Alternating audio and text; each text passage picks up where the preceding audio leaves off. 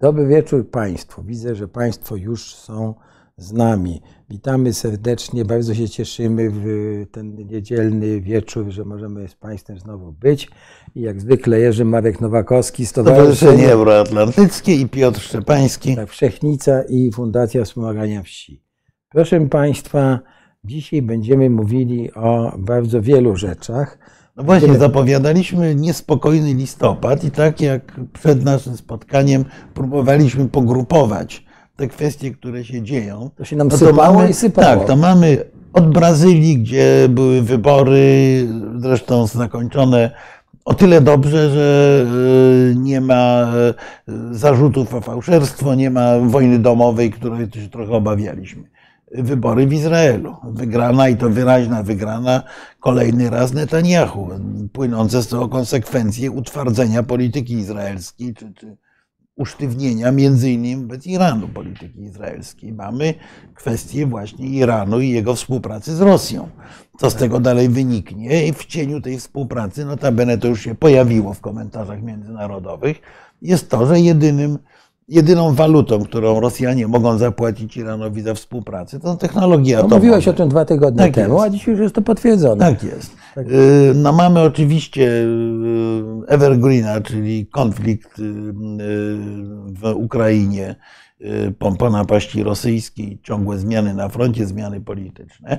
Mamy ale to tym się zajmiemy w najbliższym, nie, nie, nie w tym tygodniu. Wybory połówkowe w Ameryce i kampanię wyborczą, nerwową bardzo, jednak w tej chwili. Mamy wizytę y, kanclerza Scholza w Chinach z ważnymi wypowiedziami i Xi Jinpinga, i y, Scholza. Mamy bandycką, chyba, bo to jest chyba właściwe słowo, politykę Korei Północnej z wystrzeliwaniem rakiet, z grożeniem Japonii, Korei Południowej, z podrywaniem stu kilkudziesięciu samolotów nad granicę południowo-koreańską, czyli krótko mówiąc, eskalowanie napięcia prawie na próg, na próg konfliktu wojennego. Mamy oczywiście wielkie ćwiczenia amerykańsko-koreańskie w odpowiedzi na te e, prowokacje Korei Północnej. E, mamy przedziwną politykę Turcji, która z jednej strony jest brokerem, jak niektórzy mówią, pokoju, a z drugiej strony zapowiada swojemu sojusznikowi, jakżeby inaczej, greckiemu, że jest w stanie zniszczyć Ateny w ciągu jedną salwą swoich rakiet. No więc generalnie nie jest spokojnie. Mamy oczywiście permanentnie awanturę w Mołdawii, demonstracje sponsorowane ewidentnie przez Rosjan. Tam złapano zresztą e, jakiś emisariusz i emisariuszy FSB i tak dalej, i tak dalej. Więc tematów mamy mnóstwo, ale obiecaliśmy zacząć od y, rozmowy o krajach bałtyckich, tak, o których jeszcze... często zapominamy, a mamy dobry pretekst, bo były niedawno wybory na Łotwie. 1 listopada ukonstytuował się nowy parlament łotewski. Słuchaj, przepraszam cię. Ja jak za, zawsze y, chciałbym polecić Państwu tym razem nie książki, ale dwa teksty Dobrze? I pierwszym tym tekstem, tak jak żeśmy to uzgadniali zresztą, tak jest. pierwszym tekstem, jaki chcielibyśmy y, jaki polecić, jest tekst y, y, długiego telegramu George'a Kennana. To jest bardzo stary tekst, pochodzący z lat, kiedy on to napisał? W lat 40. Przełom lat 40. i 50. 50. Który mówi o tym, jak Rosja widzi świat, jak Związek Radziecki wtedy widział świat, co należy robić i tak dalej. Proszę ten tekst przeczytać, dlatego że on y, pokazuje, że to myślenie rosyjskie, wtedy sowieckie, teraz rosyjskie, niewiele się zmieniło. Po prostu jakbyśmy czytali o Rosji dzisiaj. Tak więc on jest dostępny w internecie, można go znaleźć w wielu miejscach, tłumaczony. Tłumaczenie na polski zresztą nie jest żaden, żadnym problemem. No i proszę Państwa, chciałbym polecić drugi tekst, pani wiceminister obrony Niemiec, pani Möller, która jedzie do Ameryki, do Stanów Zjednoczonych z wizytą i e, e, na forum chyba Atlantic Council też ogłosiła tekst, w którym tłumaczy, co to jest Zeitenwende z punktu widzenia Niemiec, tłumaczy politykę zagraniczną Niemiec, mówi o tym, czy wspomina o tym, że to jest przywództwo w partnerstwie, czy odwraca e, partnerstwo w przywództwie. Ona odwraca, mówi, e, że Niemcy będą teraz prawda, przywodzić w, w partnerstwie. Proszę zwrócić uwagę na ten akcencik. Tak. tak? I, no bo ten, to, co ona tam mówi, wypowiada się o, o, o, o Niemczech i ich polityce, wspomina o Indo-Pacyfiku, wspomina o polityce w tamtym rejonie, wspomina o Niemczech w NATO, wspomina też, dlaczego Niemcy kupują 35 e, samolotów F-35, e, żeby wywiązać się z zobowiązań, jeśli chodzi o nuclear sharing. Proszę to przeczytać, bo to jest e, moim zdaniem taki no, lekkie zarysowanie, jak Niemcy myślą o sobie w tych nowych no czasach. I co, jest również pewien wersja polityki niemieckiej dla Amerykanów, umówmy się. Tak, to jest wersja, ale, ale tutaj, co mnie uderzyło, jak czytałem ten tekst, że my mamy, e, e, znaczy nie my tutaj, tak, ale u nas niektóre osoby mają fobię niemiecką.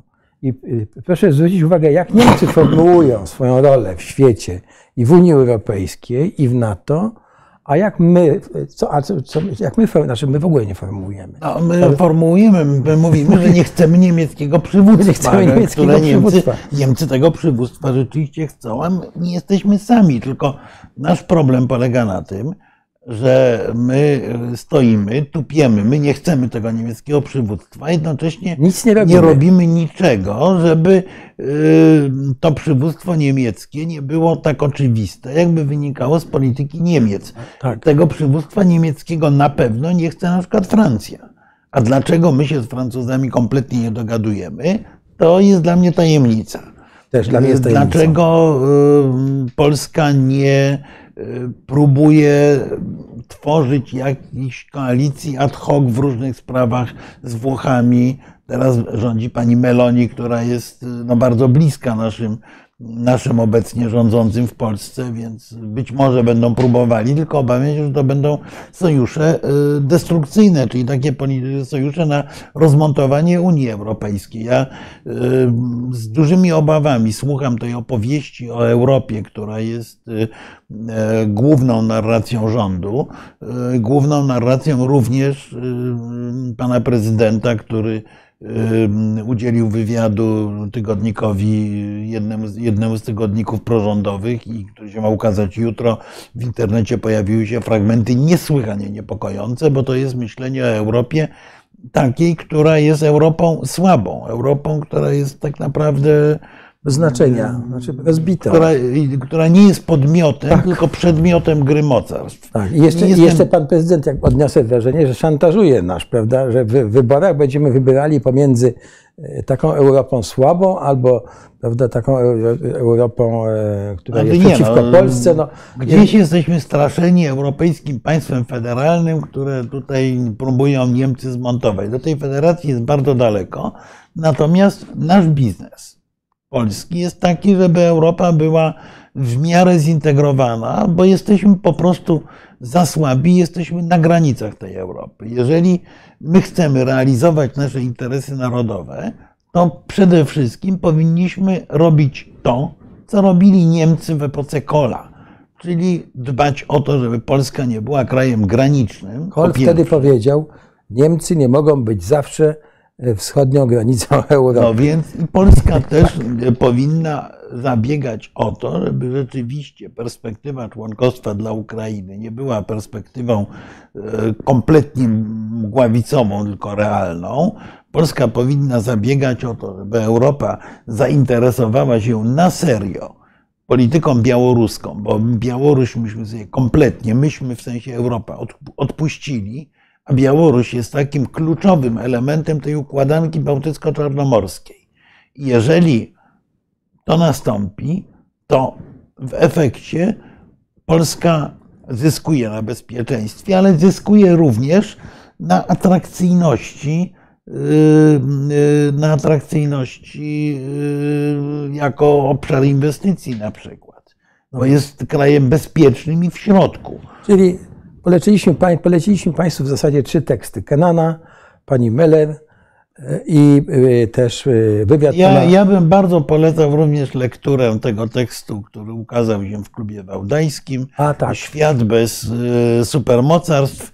Ten tekst jest dostępny i po rosyjsku, i po angielsku, więc warto przeczytać, bo to jest z kolei wizja najbliższego otoczenia Putina, tego jak świat ma wyglądać realnie, a nie propagandowo, jak to przedstawia sam Władimir Putin. To teraz przejdźmy... E, Tutaj od razu, bo będziemy się starali, obiecuję, e, intensywniej czy, czy bardziej konkretnie odpowiadać na Państwa pytania i komentarze. Ja tu już widzę jeden komentarz. Tyle, że Francja nie chce przywódca Niemiec, bo sami chcą przewodzić, a Polska nie chce ani Niemiec, ani Francji. E, No dobra, tylko e, ja mogę się zgodzić, że nie chcemy ani Niemiec, ani Francji, tylko w takim razie kogo chcemy? Bo e, chcemy siebie, no ale dobra, nie, nie mamy na razie możliwości, żeby to osiągnąć. Wobec tego naszym interesem jest na przykład utrzymywanie trójkąta weimarskiego, bo to jest format, w którym my możemy próbować grać pomiędzy Niemcami i Francuzami. E, Również wtedy, kiedy będzie to nam wygodne, wrzucać pomiędzy nich jabłko niezgody. E, Tutaj jest jeszcze jedno pytanie. Co sądzicie panowie o akcji doktora Leszka Sykulskiego Stop amerykanizacji Polski? E, Krótko mówiąc, bardzo źle, bardzo źle sądzimy. Bardzo źle sądzimy, E, bo, ale uważamy, że Polska oczywiście powinna mieć absolutnie dbać o inne opcje również. Że nie- może być tak, że Mhm. e, e, będziemy wisieli tylko prawda, na jednym. Dobry królik ma trzy nory, jak to mówi chińskie Tak. przysłowie, proszę Państwa. I proszę pamiętać, chińskie przysłowia są bardzo dobre. Trzy nory. E, A tu pan Jacek słusznie przypomina o krajach bałtyckich. Wobec Dobrze. tego oddaję Ci głos, bo Ty, tak powiem, masz nakierować na te kraje Dobrze. bałtyckie rozmowę. Obiecaliśmy Państwu rozmowę o krajach bałtyckich. Zacząłeś już mówić o wyborach e, e, na, Na Łotwie. na Łotwie. Łotwa, jak popatrzymy na historię II Rzeczpospolitej, relacje z Łotwą były świetne. Tak, bo to jeden z najbardziej przyjaznych Przyjaznych Polsce krajów. krajów. I, ale inne kraje bałtyckie e, no, również. No z wyjątkiem są- Litwy, z którą byliśmy skrajnie Tak. pokłóceni, ale, ale interesy polskie i litewskie były na tyle zbieżne, że, że w pewnym momencie że w pewnym momencie przykryły na tę kłótnię. Natomiast y, historycz, y, jeżeli mówimy o historii, no, rzeczywiście państwa bałtyckie od, od zawsze, od czasów y, jagiellońskich, są dla nas obszarem dość kluczowym. No, rozmawialiśmy o, kiedyś o, o tej odleglejszej historii, że obszar Inflant to był drugi, jeśli idzie o poziom rozwoju gospodarczego w, e, e, w rankingu europejskim, zaraz po Niderlandach, czyli Holandii i Belgii współczesnej, które były w nowożytnej Europie, bo wcześniej były to północne Włochy, potem właśnie to centrum handlowo-przemysłowo-rozwojowe przesunęło się do Niderlandów, ale takim obszarem bardzo dobrze rozwiniętym.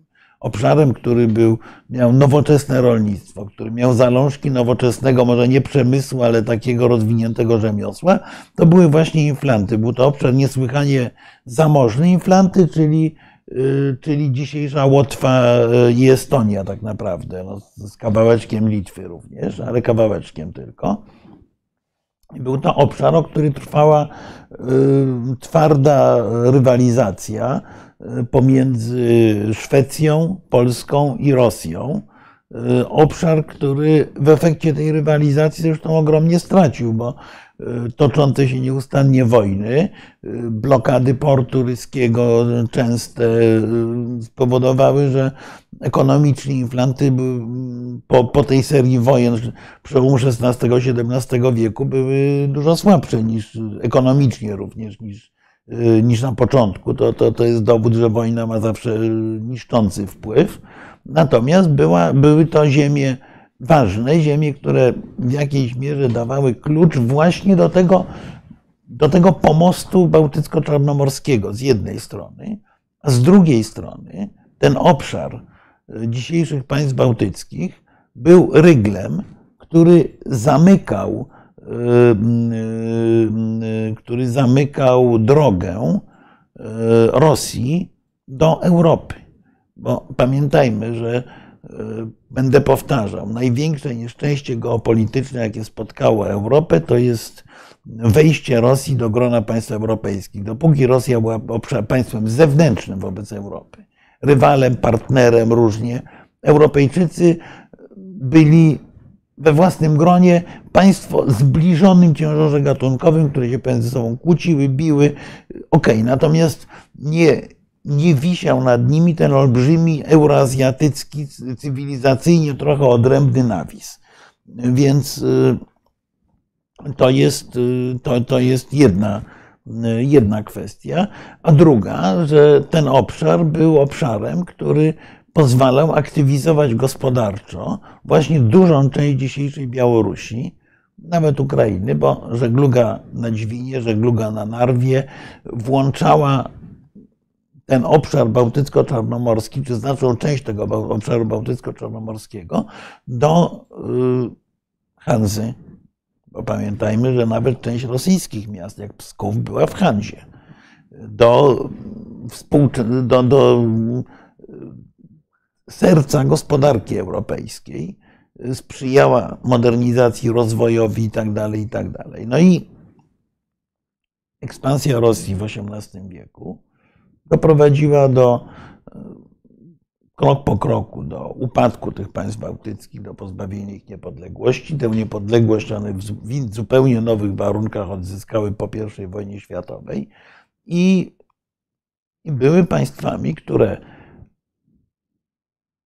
razem z Polską właśnie i z Finlandią postrzegały, czy, czy doskonale widziały, jakie zagrożenia płyną ze strony, ze strony Związku Sowieckiego, jakie zagrożenia egzystencjalne, zagrożenia, zagrożenie dla niepodległości i dla samego istnienia tych państw płynie ze strony sowieckiej. Y, po raz trzeci te kraje uzyskują, po raz drugi i pół powiedzmy, no bo okres okres Rzeczpospolitej, okres władzy szwedzkiej to nie była pełna niepodległość, aczkolwiek na przykład e, jeden z pierwszych dokumentów, jak obserwowaliśmy, e, jak świętowaliśmy rocznicę nawiązania relacji e, dyplomatycznych polsko-tureckich. Otóż jeden z pierwszych dokumentów, jakie dyplomatycznych, jakie Polska wysłała do Turcji po właśnie ustanowieniu tych relacji dyplomatycznych, to był dokument, w którym e, król polski e, żądał od sułtana powstrzymania działań piratów tureckich na wybrzeżu północnoafrykańskim, którzy to piraci tureccy atakowali statki kurlandzkie. Bo Kurlandia, czyli część Infland, taka mhm. na poły niezależne E, państwo, ale będące lennem Rzeczpospolitej, Kurlandia uprawiała niezwykle intensywny handel, w odróżnieniu od Rzeczpospolitej, która właściwie nie miała floty i nie miała, nie miała własnego handlu. E, I, e, i to, jest, to jest jedna kwestia. Druga kwestia to jest to, że no, Odrodzenie niepodległości państw bałtyckich było początkiem końca Związku Sowieckiego i państwa bałtyckie w tej chwili pełnią kluczową rolę strategiczną. One były w bardzo trudnej sytuacji. One były w bardzo trudnej sytuacji wtedy, kiedy weszły do NATO, weszły do Unii Europejskiej, ponieważ były de facto eksklawą. Ten maleńki przesmyk suwalski łączył je z Europą. Przesmyk suwalski dość słabo zagospodarowany, powiedzmy sobie szczerze, i promy łączące Tallin i, Tallin i Helsinki. To było wszystko. I prawdę mówiąc, specjaliści od obrony, od bezpieczeństwa, ta Kurlandia miała kolonię nie tylko nie, nie, nie Trinidad, tylko Tobago, ale miała również kolonię w Afryce, Gambię.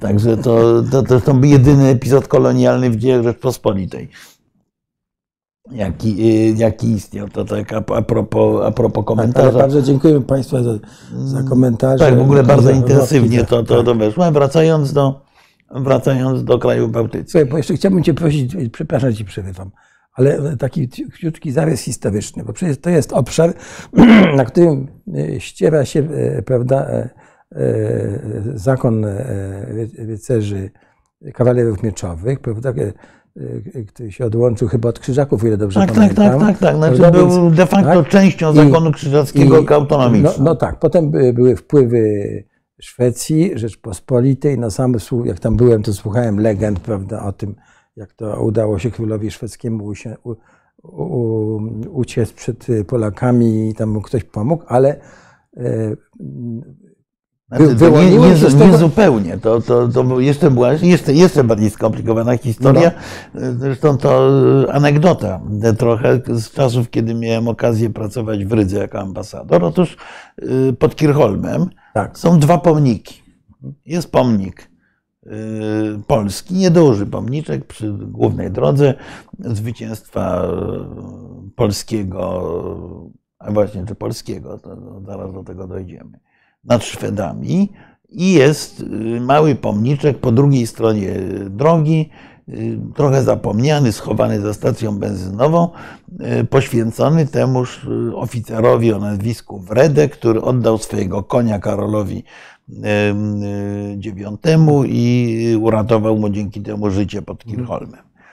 I y, co roku wspólnie z ambasadorem Szwecji jeździliśmy w rocznicę bitwy kirchholmskiej, składaliśmy kwiaty pod obydwoma tymi, tam wieńce pod obydwoma tymi y, pomnikami. Więc w pewnym momencie, po pierwsze, namówiłem szefa sztabu Armii Łotewskiej, żeby uczestniczył z nami w tej uroczystości, no bo przecież Łotysze w postaci żołnierzy kurlandzkich Katlera też uczestniczyli w tej bitwie to po stronie zwycięskiej. No więc Łotwa jest w jakimś stopniu dziedzicem Kurlandii, wobec tego y, dołączyli się y, łotewscy y, przedstawiciele. Mieliśmy zawsze kłopot z naszymi przyjaciółmi z Litwy. Bo oczywiście ambasador litewski jeździł pod pomnik, tylko składał kwiaty z okazji zwycięstwa litewskich wojsk. No bo formalnie y, Jan Karol Chodkiewicz był hetmanem wielkim litewskim, były to Tak. wojska litewskie w, dwu, w dwuczęściowej Rzeczpospolitej. Y, I y, przy jakimś obiedzie z moim przyjacielem, znakomitym szwedzkim ambasadorem, który zresztą wcześniej był ambasadorem Szwecji w Polsce, doszliśmy do wniosku, no, że właściwie to my będziemy razem świętować zwycięstwo. Dlatego, że y, w sensie prawnym pod Kirchholmem y, król Polski i Szwecji, wtedy jeszcze nie zdetronizowany, y,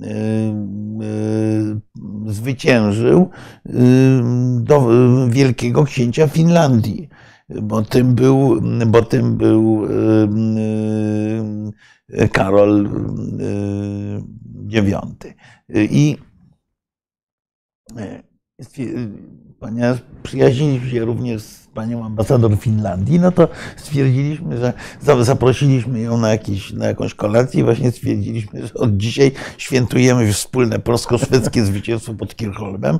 Doprosimy jeszcze Litwinów, Łotyszy i wszyscy razem pobiliśmy Finów. Więc, więc mo, można się oczywiście bawić historią, Tak, ale, ale, ale chciałbym tutaj, żeby dwa to zdania- pokazuje poziom skomplikowania tego Tak, obszaru, tak. tak swoją drogą. Ale e, chciałbym, no bo tak, to były te zakony, ale w pewnym momencie no, e, wyłoniły się przecież te na- narod- narody, tak? E, No właśnie z tym tak, wyłonieniem no, się no, narodów no to jest właśnie, różnie. jak to? jest różnie dlatego, że oczywiście chłopami, chłopstwo było w Estonii i na Łotwie, no bo Litwa to jest Osobny, odrębny przypadek. Litwa wytworzyła własną elitę i stworzyła gigantyczne mocarstwo tak naprawdę. Tak. Właśnie na obszarze bałtycko-czarnomorskim. Natomiast y, w wypadku Łotwy właściwie państwowości łotewskiej nie było aż do 1918 roku, bo to jest znowu anegdota z, z y, czasów y, mojej pracy w Rydze. Otóż kiedyś na zamku y, w Dundadze, to jest Kurlandia, urządziliśmy wspólnie z moim kolegą ambasadorem Węgier przyjęcie. Przyjęcie to było, no, formalnie był to moment przekazania prezydencji w Grupie Wyszehradzkiej. Zrobiliśmy taką multimedialną prezentację poświęconą dziejom rodu Berżewiczych. Kto to byli Berżewici? Ci, którzy czytali taką powieść Jana e, Józefa Szczepańskiego, Kipu, wiedzą, że rodzina Berżewiczych między innymi była właścicielami zamków Nidzicy. Tam znaleziono pod progiem e, peruwiańskiej Kipu, że ten ród, ponieważ jeden z Berżewiczych ożenił się z księżniczką inkaską, córką ostatniego przywódcy Inków, już nie władcy, przywódcy Inków, czy przywódcy, czy przywódcy peruwiańskiego powstania przeciwko Hiszpanom, powiedzmy bardziej Tupaka Amaru, ale, ale w każdym razie no, gdzieś tam była ta legenda o skarbie Inków. Otóż zamek w Dundadze w Kurlandii również należał do tych Berżewiczich, ponieważ Stefan Batory nadał im tam dobra, bo oni, żeby jeszcze bardziej skomplikować, odbili część Kurlandii z rąk Duńczyków, bo jeszcze Duńczycy tam y, byli przez pewien czas. I pokazujemy tą całą historię, trochę żartem, trochę serio, yy, tych paranteli węgiersko, polsko, peru, południowoamerykańskich. I potem rozmawiam z wiceministrem spraw zagranicznych Łotwy. Ten wiceminister mi tak takim smutnym głosem mówi, a gdzie w tym wszystkim byli Łotysze? No bo opowiada mi historię tych ziem, są Niemcy, są Rosjanie w tej Kurlandii, no, Rudbironów, yy, mnóstwo, Kettlerowie właśnie, yy, mnóstwo istotnych postaci historycznych, ale nie ma Łotyszy. Więc ja mówię, no, no Łotysze byli, byli solą tej ziemi. Łotysze, którzy byli część, głównie narodami, narodem bałtyckim, ale również mieli y, pewne elementy ugrofińskie, szczególnie, tak. szczególnie na obszarze Liwonii. Bo trzeba pamiętać, że na przykład Łotwa jest, mimo że jest niewielkim krajem, jest krajem, który, mm, y, który ma bardzo mocne takie regionalne afiliacje. Znaczy Łotysz najpierw powie, że on jest Kurlandczykiem, że on jest z Liwonii, że on jest z Latgalii, a dopiero potem jest Łotyszem.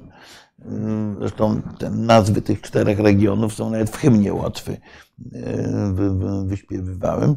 No tak, no siedzieli na wsi siali żyto, no owszem, e, natomiast no, stanowili trzon ludności. Ale rzeczywiście było tak, że e, ogromną część elit i na Łotwie, i e, w Estonii stanowili Niemcy, Polacy, Szwedzi, Rosjanie, Żydzi. Miejscowe, miejscowa ludność była w dużej mierze ludnością chłopską i właściwie przebudzenie narodowe, przebudzenie etniczne ma miejsce dopiero w drugiej połowie, w drugiej połowie XIX wieku. No ale jest na tyle mocne, bo z kolei jest bardzo silny folklor, bardzo silna rola, nie wiem, pieśni, muzyki lokalnej, stroju lokalnego tak. na tym obszarze. No, największym wydarzeniem w ogóle na Łotwie nie są żadne wybory, nie są żadne zawody sportowe, tylko jest odbywający się raz na pięć lat festiwal chórów na który przyjeżdża sto kilkadziesiąt tysięcy ludzi. Jest specjalny, gigantyczny amfiteatr w Rydze, na którym ludzie przyjeżdżają i jeżeli ktoś jest zaproszony na ten festiwal chórów, to jest dla jego regionu, miasta, instytucji w ogóle największy, największy honor. To jakby wskazuje tę, pewną tendencję, tendencję historyczną. Zresztą zwróćmy, zwróćmy uwagę, Y, że y, zwróćmy uwagę na to, że y, zgubiłem się, bo tu skąd, skąd nazwa Łotwa? Od Letonia, która z kolei jest od, od Liwowów, Liwonii, Liwonii Potem się zrobiło z tego francuskie Letonie i, i Latwia obecna. Więc no i no, Łotwa to jest, nasza, to Łotwa jest tak. po polskim. Łotwa, nie, no, Łotwa jest nazwą polską, przy tym Polacy używali zasadniczo nazwy inflanty. Inflanty, tak. No, były inflanty polskie, czyli dzisiejsza Latgalia i inflanty szwedzkie, czy inflanty bez nazwy, jak ktoś wolał, obejmujące resztę tego terytorium. Pamiętajmy, że Rzeczpospolita w, w XVI, na koń, pod koniec XVI wieku sięgała również, czy obejmowała również znaczną część obecnej Estonii. Yy, wręcz tak, no, wręcz było, Parnawa była miastem wojewódzkim. Parnawa, czyli obecny Parnu, port, port estoński. Gdzieś no, na, na nazwa Donpad też nam coś mówi, tak, prawda? Tak jest. Wykłady, Obecne Tartu. Wykłady przecież. No tak, no, dzisiejsze miasto Cesis, czyli Kieś po, po, po polsku, wcześniej nosiło niemiecką nazwę Wenden. Jak pamiętamy, to jeden z bohaterów trylogii Sienkiewicza był właśnie starostą wendeńskim. To, to wszystko było bardzo mocno splecione i no tutaj, tutaj oczywiście jest kwestia języków i tak dalej. Jak Państwo po, postrzega, postrzegacie w tym momencie postrzeganie przez kraje bałtyckie Polski? Nic się nie, nic się nie mówi o stosunku Łotyszy czy Litwinów do obecnej polityki ekipy rządzącej w Polsce. Hmm, to jest skomplikowana sprawa. Znaczy, stosunek obu tych krajów do Polski jest y, dobry albo nawet bardzo dobry, również bez względu na, na, na rządy. Jeśli idzie o działania obecnej ekipy, to yy, mówiąc najkrócej, yy, Nomina sunt odiosa, jeden z najważniejszych polityków z krajów bałtyckich, kiedyś mi powiedział, ale ze złością taką wręcz w głosie, że yy, wy nas odpychacie od Europy że polityka osłabiania Unii Europejskiej jest dla krajów bałtyckich zabójcza absolutnie. Oni, dla nich jedyną szansą jest głęboka integracja.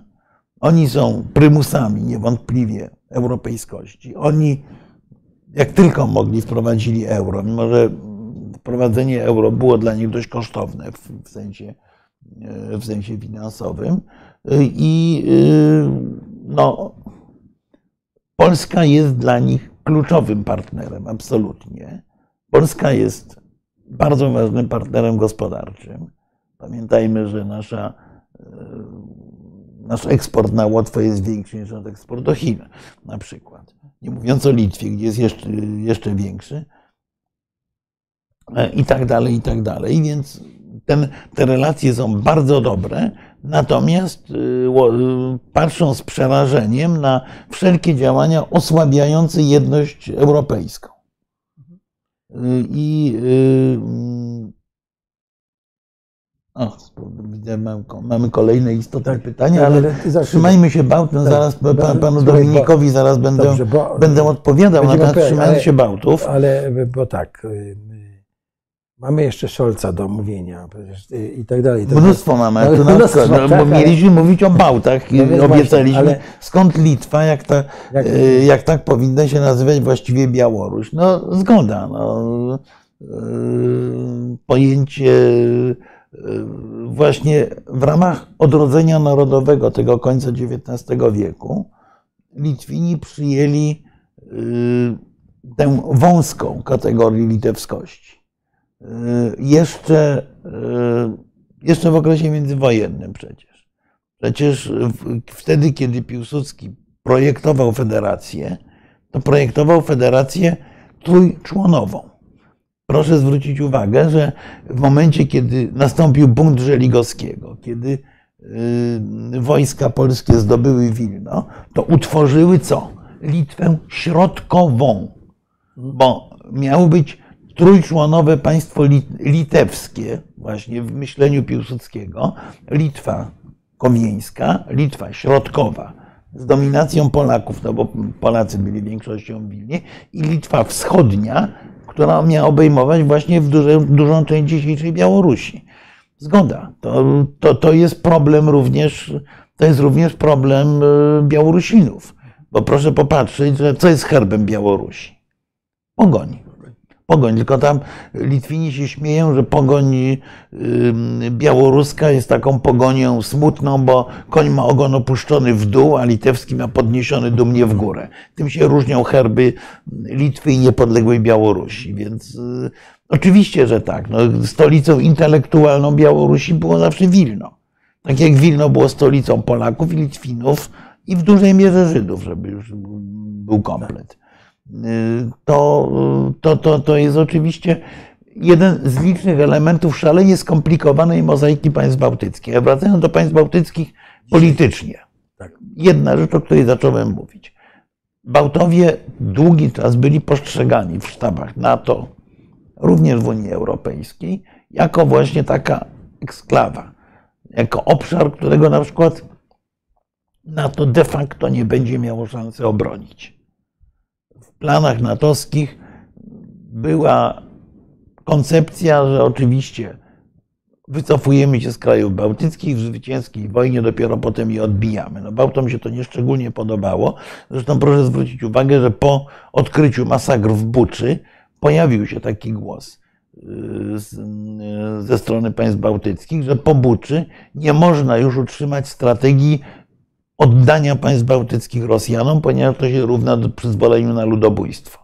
I w tej chwili, ze względu na wejście Szwecji i Finlandii do NATO, z czym są kłopoty, które robi nam pan prezydent Erdogan, ale o, o nim będziemy za chwilę, y, zmieniła się cała sytuacja strategiczna. Stąd ten pomysł rotacyjnie, ale przygotowanych brygad, które mają natychmiast w razie zagrożenia znaleźć się na terytorium państw bałtyckich, stąd bazy na terenie państw bałtyckich, stąd zaangażowanie Stanów Zjednoczonych, stąd również przeformatowanie polskiej obrony, tak żeby utrzymać korytarz suwalski, bo wcześniej tak naprawdę myśląc o obronie Polski, myślało się o obronie Polski na linii Wisły, umówmy się, realnie rzecz biorąc. No i stąd tych stu spadochroniarzy francuskich, którzy tam... Stąd, stąd ten pokaz spadochroniarzy pokaz, francuskich jadących do Estonii.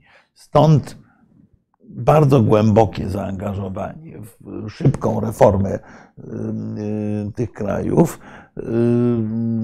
w sensie przygotowania wojskowego. To jest również inwestowanie głównie europejskich pieniędzy w budowę na przykład połączeń gazowych z obszarem e, e, państw bałtyckich. Pamiętajmy, że e, znowu przez ten przesmyk suwalski idzie w tej chwili już połączenie gazociągowe. Litwa ma marny, bo marny, ale działający gazoport. Łotwa ma nie najgorsze nie najgorsze z kolei magazyny gazu, które mogą być wykorzystywane na potrzeby całego regionu. Estonia jest to trochę odrębny przypadek, bo Estonia jest jedynym właściwie krajem w Europie, który energię produkuje głównie z tak zwanych łupków bitumicznych. Tak. Oni to na Łotwie duża część energii jest energią z kolei zieloną, bo oni mają dwie potężne elektrownie wodne na Dźwinie. Które... Mały kraj duża energia tak, rzeki. Które prawda? właściwie w, w, znacznym stopniu wyczerpują potrzeby Łotwy. Jeżeli jest wysoki poziom wody, jak jest niski, zaczyna być kłopot. No, Litwini zlikwidowali z kolei swoją elektrownię atomową, którą mieli w Ignalinie i w tej chwili mają niedobory prądu, ale już zbudowano połączenia, kable elektryczne łączące kraje bałtyckie ze Szwecją i z Finlandią, także tu też jest pewne, pewien postęp i w tej chwili nastąpiło już przełączenie prądu, bo to też było ważne.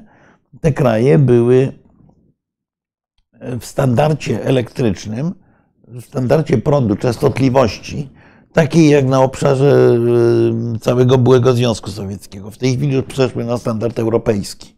bo na przykład były problemy z przesyłem prądu między Polską a Litwą, ponieważ Litwa miała inną częstotliwość trochę. I trzeba było budować jakiś specjalny. Zresztą istniało coś takiego jak Wyspa Białostocka, że tam nastąpi, następowało mieszanie, te, przełączanie tego, tego prądu. I właściwie w tej chwili jednym z wiodących tematów tam to jest kwestia przejścia tych krajów na y, europejski rozmiar torów, bo koleje cały czas tak naprawdę są rosyjskie. De facto rosyjskie, tak. Bo oczywiście, no, bądźmy szczerzy. Ale to okropne pieniądze są jednak. To są spore pieniądze, nie okropne. No. Natomiast problem jest w czymś innym. Problem jest w tym, że te kraje w dużej mierze żyły z tego, z czego żyły w historii, czyli z obsługi Białorusi i Rosji przez porty tych krajów. Mhm. Przecież y, y, Ryga była cały czas ogromnym portem eksportowym, na przykład rosyjskiego węgla. Y, Kłajpeda była głównym portem eksportowym Białorusi. Więc wobec tego było łatwiej korzystać z tych szerokich torów. Natomiast w tej chwili ze względów bezpieczeństwa coraz wyraźniej się mówi, że jak najszybciej należy przejść na standard, na standard europejski. Zacząłeś od wyborów. Na bo, bo wybory no, no na Łotwie bo to, bo to jest ważna y, rzecz. miały dość zaskakujący wynik. Mianowicie na Łotwie zawsze wygrywała partia rosyjska. Y, no bo ogromna mniejszość rosyjska, która solidarnie głosowała na, na główną partię Rosjan. Otóż w tym roku po raz pierwszy Rosjanie spadli na czwarte miejsce dopiero. Na trzecie. Wśród, y, tam chyba jeden głos w parlamencie się różni. W akcie wyborczym wygrali wybory tylko w Latgalii i to nieznacznie. I to oznacza, że wojna w Ukrainie spowodowała, że nawet część rosyjskich mieszkańców Łotwy zaczęła głosować na partie łotewskie. Hmm. Rządzą ci, rządzą będą rządzili ci sami, co rządzili, czyli, czyli partia Nowa Wielotiba, czyli jedność ale, ale ta partia po raz pierwszy zdobyła najwięcej głosów. Zawsze najwięcej głosów zdobywali Rosjanie, po czym formowała się koalicja łotewska, która nie pozwalała im dojść do władzy. Nigdy nie, nigdy nie uczestniczyli w rządach, bo tu, tu był twardy podział. W, tym roku, w, w tych wyborach coś się zmieniło. W tych wyborach partie łotewskie bardzo wyraźnie te wybory wygrały i to jest prosty efekt wojny, wojny w Ukrainie, zmiany postaw części Rosjan. Oczywiście część mieszkających na Łotwie Rosjan, jest to ogromna mniejszość, jest to jedna trzecia, tak naprawdę jeszcze więcej niż jedna trzecia mieszkańców. Zwarcie mieszkających w Latgalii i w Rydze, bo Kurlandia i, i Liwonia są właściwie czysto łotewskie. Wobec tego, y, wobec tego, przepraszam, y, to, to, że zmieniła się, tak zmieniły się postawy, tak samo te same procesy będą zachodziły w Estonii, gdzie też partia rosyjska była bardzo silna. I y, no, mamy w tej chwili, mamy w tej chwili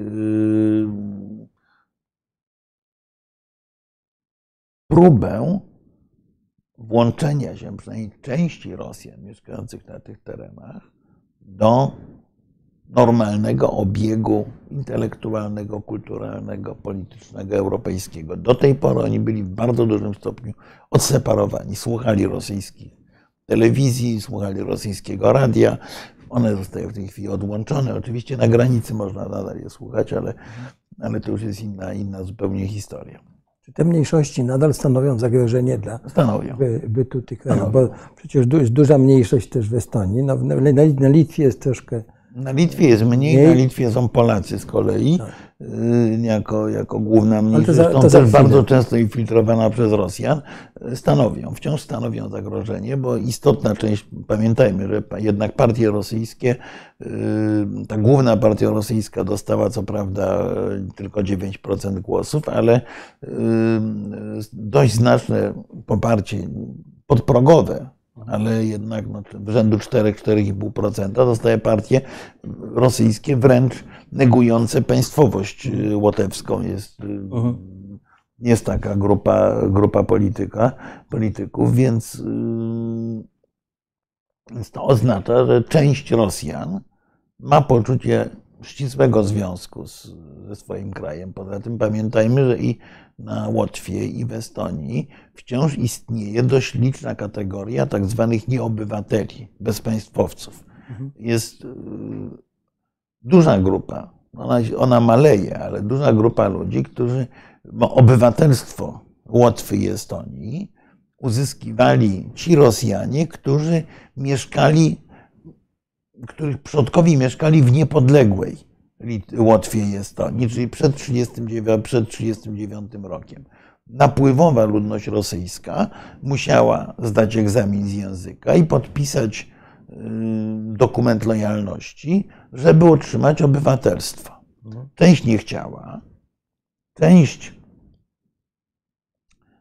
e, miejmy, y, y, miejmy świadomość, że część dla części było wygodne nie przyjąć tego obywatelstwa, ponieważ status nieobywatela dawał dokument podróży, który jedyny na świecie, który pozwalał podróżować bez wizy od Lizbony do Władywostoku. Y, ponieważ i tu, i tu nie wymagano od nich wiz. A na przykład ja sam rozmawiałem z Polakiem skądinąd, młodym człowiekiem, mówiącym świetnie po łotewsku i tak dalej, i mającym ten status nieobywatela. Pytam dlaczego. Ano dlatego, że ja mam tam ciotkę i całą rodzinę mam koło Bracławia na, na Białorusi. Wobec tego, jakbym był obywatelem, to bym musiał mieć wizę za każdym razem, jak do rodziny jadę, a tak to jadę normalnie bez wizy, bez kłopotów. Więc takie też motywacje były, ale, ale pamiętajmy, że duża część tych nieobywateli ma poczucie krzywdy Mam poczucie wyłączenia z życia publicznego, bo na przykład ci nieobywatele nie mogą nie służyć w policji, pracować jako nauczyciele i tak dalej. Zamknięte jest dla nich część zawodów.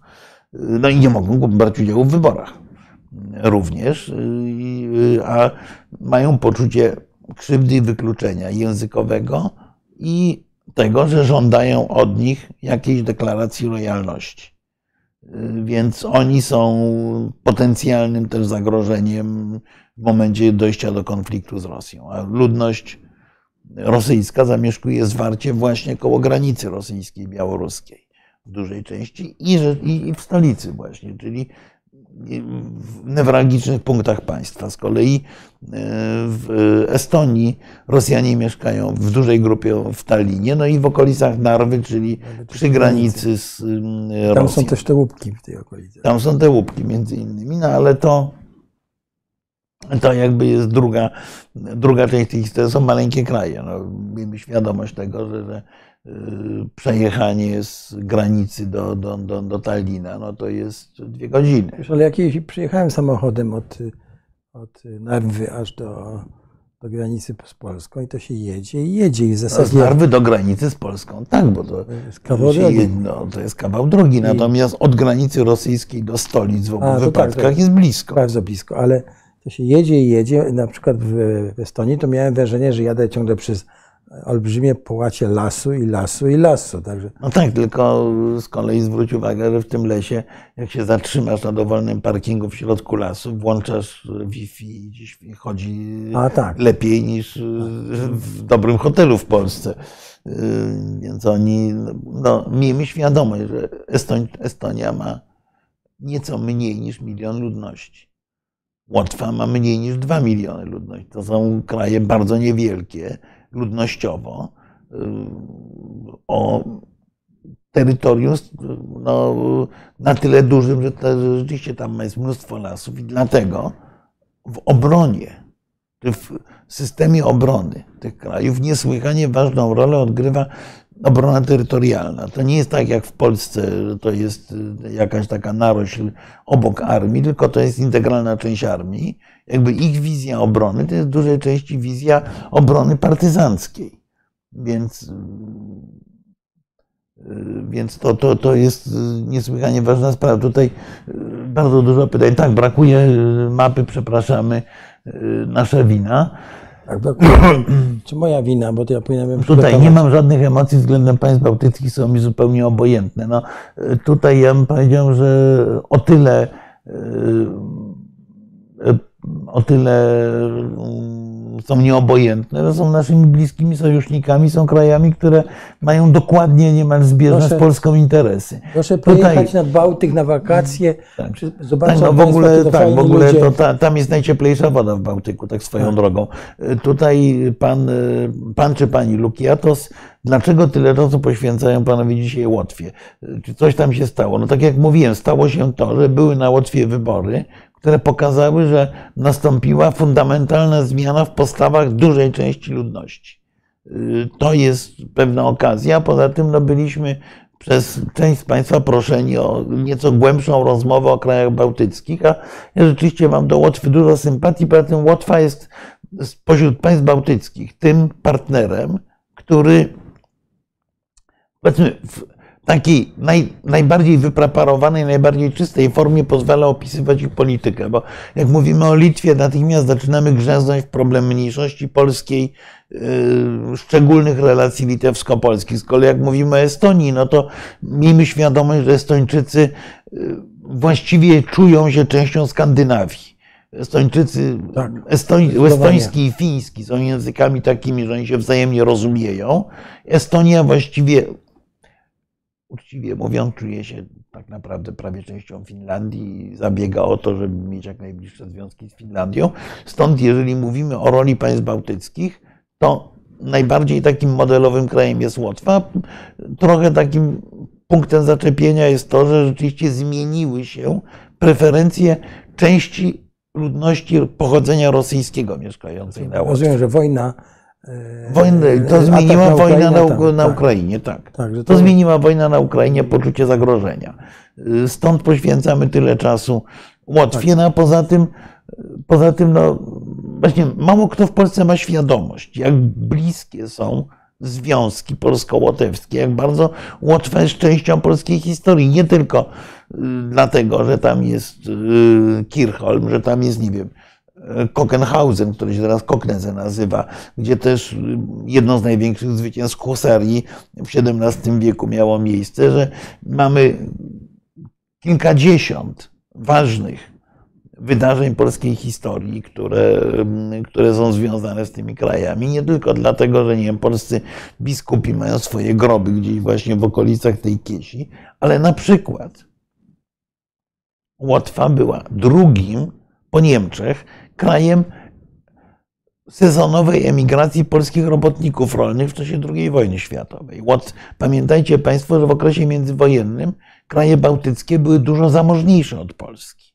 Lepiej zorganizowana, Tak. spółdzielczość Tak. e, e, rolna była rozwinięta. tak. no z, kolei, z kolei oczywiście niesamowitym poziomie. polskie ziemiaństwo było wywłaszczone, ponieważ No, ale Łotysze... wszyscy, wszyscy byli wywłaszczeni. Tak, no wszyscy. Znaczy, nie, Niemcy też byli Niemcy też, no Mówimy, bo, mówimy o reformie tak, bo rolnej. przeprowadzono po 1918 roku brutalną reformę rolną, taką jak w PRL-u po, dopiero y, po roku 1945. Zostawiano 50 hektarów, reszta, resztę zabrano, ale dzięki temu stworzono takie narody w pełni chłopskie, y, Tak, które były przywiązane do ziemi, podstawy gospodarcze, y, podstawy do pewnego dobrobytu. No, w czasach sowieckich przecież to było centrum y, naj, najwyższej jakości produkcji rolnej. Mleko y, litewskie, y, warzywa z Łotwy i tak dalej. To były najbardziej luksusowe towary w sklepach Do moskiewskich. dzisiaj nie rozumiem, dlaczego żadna z polskich mleczarni nie jest w stanie wyprodukować takiego wiesz, pieczonego sera białego, jaki robią Litwini. No. Jest świetny, ale Nie, no tam jest mnó- mnóstwo ciekawych oczywiście Tak. kulinarnie rzeczy. Zresztą y, jak patrzymy na tak zwaną kuchnię polską, to się okazuje, że kuchnia polska dzieli się właściwie na trzy części. Kuchnię północno-polską, ściśle związaną z Litwą, południowo-polską czy galicyjską, ściśle związaną z tradycją ukraińską i kuchnię poznańską, która z kolei jest ściśle związana z niemiecką tradycją kulinarną. Jak mówimy o tego typu rzeczach, to właśnie. No tak, to tutaj od razu przypomina mi się ta anegdota Paska, bo kiedyś uczestniczyłem na jakimś takim festynie, gdzie było, że kaszankę gotowali, taka świetna polska kaszanka. A wiesz, jak to było z Paskiem? Pasek, jak pojechał do, do Danii, to właśnie opisuje, że e, e, jak zabili tam świnie, no to wszystko zebrali i i krew i te, i te mm, e, mieszali z krupami i gotowali tą kaszankę i mówi, że to było coś tak wstrętnego, Pasek pisze, że jakby to u nas w Polsce psom dali, to by psy nas za nieprzyjaciół mieli. Tak. tak więc tak to jest tą polską. No tak, no, ale no, powiedzmy, że w ogóle to jest zabawne, ale większość takich sztandarowych dań kuchni, ale to od Hiszpanii poczynając, to są zazwyczaj dania właśnie tak jak pizza, która była daniem biedaków. Tak, yy, tak to, słuchaj, to, bo my to o kuchni, a Państwo tak. się upominają o Nie, a tutaj, na przykład, tutaj na przykład padło, padło bardzo ważne pytanie, ważne, yy, gdzieś umknęło o ministra, a nie, jest, ministra Sikorskiego, no jest, tak. jak chciał wychować Litwinów. No więc no to był to był pewien problem, ponieważ rzeczywiście mi w czasach, kiedy Radek Sikorski był ministrem, z Litwą bardzo zgrzytało, ale, ale też... Ale właściwie to okropne było.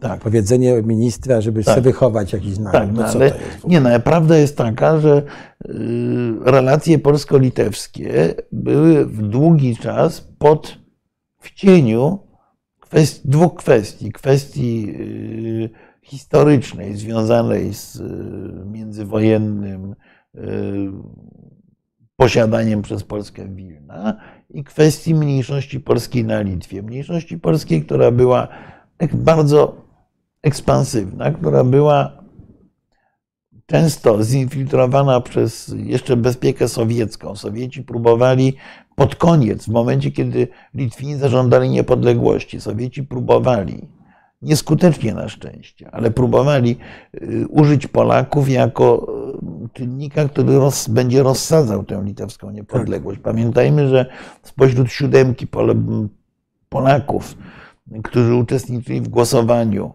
w parlamencie litewskim na niepodległością Litwy, zagłosowało tylko trzech. Czterech się, cztery osoby wstrzymały się i Litwini to do dzisiaj pamiętają. pamiętają. Tak. I rzeczywiście były ciągle te zgrzyty, ciągle były spory, niemądre o pisownię nazwisk. Nareszcie to rozwiązano, ale po 30 latach nieomal. I tak dalej, i tak dalej, więc yy, z tego co ja wiem, to, to, to Sikorski po prostu w pewnym momencie stwierdził, że okej, okay, myśmy się cofali wobec różnych wynikających właśnie z kompleksów historycznych, z żądań litewskich, ale minęło 18 lat litewskiej niepodległości, teraz 20 lat litewskiej niepodległości, więc należy w końcu zacząć rozmawiać jak równy z równym i żądać od Litwinów y, też pewnych, pewnych rzeczy. Nie była to polityka słuszna. Y, w mojej ocenie na dół. Przypominała to słynne ultimatum, prawda? W momencie, tak, kiedy Niemcy zajmowali Kłajpedę, Polska postawiła, tak. wymusiła w zasadzie tak, nawiązanie stosunków dyplomatycznych. To było ob, obrzydliwym aktem. No tak, ale dzięki, ale, dzięki temu, ale dzięki temu z kolei w momencie II wojny światowej część Polaków y, zdołała uciec y, spod buta i niemieckiego i sowieckiego tak. do Wilna i potem wyemigrować dalej, no, ale trzeba dalej na zachód. Że Litwini y, się bardzo ładnie... Litwini się tutaj zachowali przyzwoicie. Przyzwoicie tak. i bardzo tak przy, przyjaźnie do tych no, uchodźców z Polski. Tak, ale, ale to, no, mówienie o tym wychowaniu Litwinów nie było, nie było zręczne y, i te zgrzyty, które powstały, nie były, nie były dobre. A z kolei tu jest drugie pytanie co do rafinerii w Morzejkach tak, funkcjonuje. E, nadal jest surowcem rosyjskim e, i ma to e, oczywiście bardzo poważne znaczenie. To, że jest własnością Orlenu, ma bardzo poważne znaczenie polityczne. No bo co to oznacza? To oznacza, że własnością Polski jest największa firma na Litwie. To jest największy podatnik, największa firma na Litwie.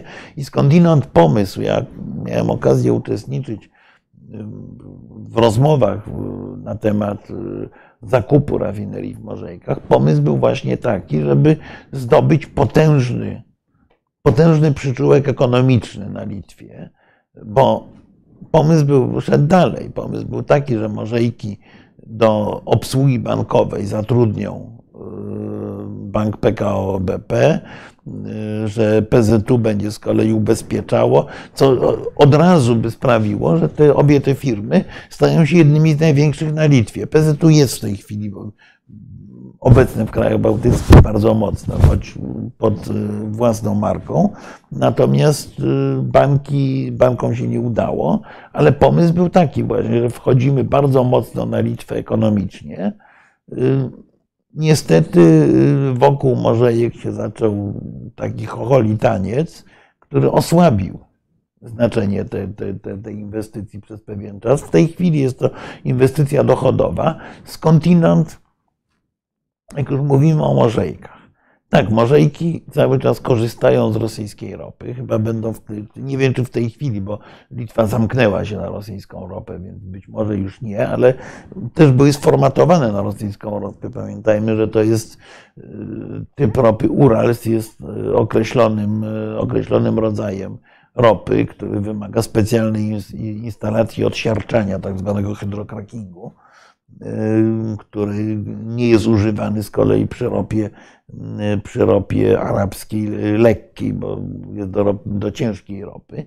ale pewien paradoks, który pokazuje zresztą y, kłopoty z taką polityką rurociągowo-energetyczną. Mianowicie w momencie zakupu Morzejek przez Orlen y, Rosjanie zamknęli Y, rurociąg łączący Białoruś, y, ale odnogę prowadzącą od przyjaźni do właśnie y, rafinerii w Morzejkach. On, ten rurociąg miał jeszcze dodatkowo odnogę do portów Ventspils, czyli w Windawie, gdzie też tam jakąś, jakąś część ropy eksportowano. Ten rurociąg Rosjanie wysuszyli, zamknęli, Wokół niego do tej pory jeszcze trwają różne dyskusje. Rurociąg, który prowadzi skądinąd jeszcze do białoruskiej rafinerii w Nowopołocku. I no, rafineria musiała sobie jakoś poradzić. No więc yy, przez taki yy, dość prymitywny naftoport, to jest właściwie taka prawie boja, no, jak, jak to mówili, na, w porcie w Butyndze zaczęto sprowadzać ropę. I oczywiście ropę rosyjską, która szła z portu w Petersburgu.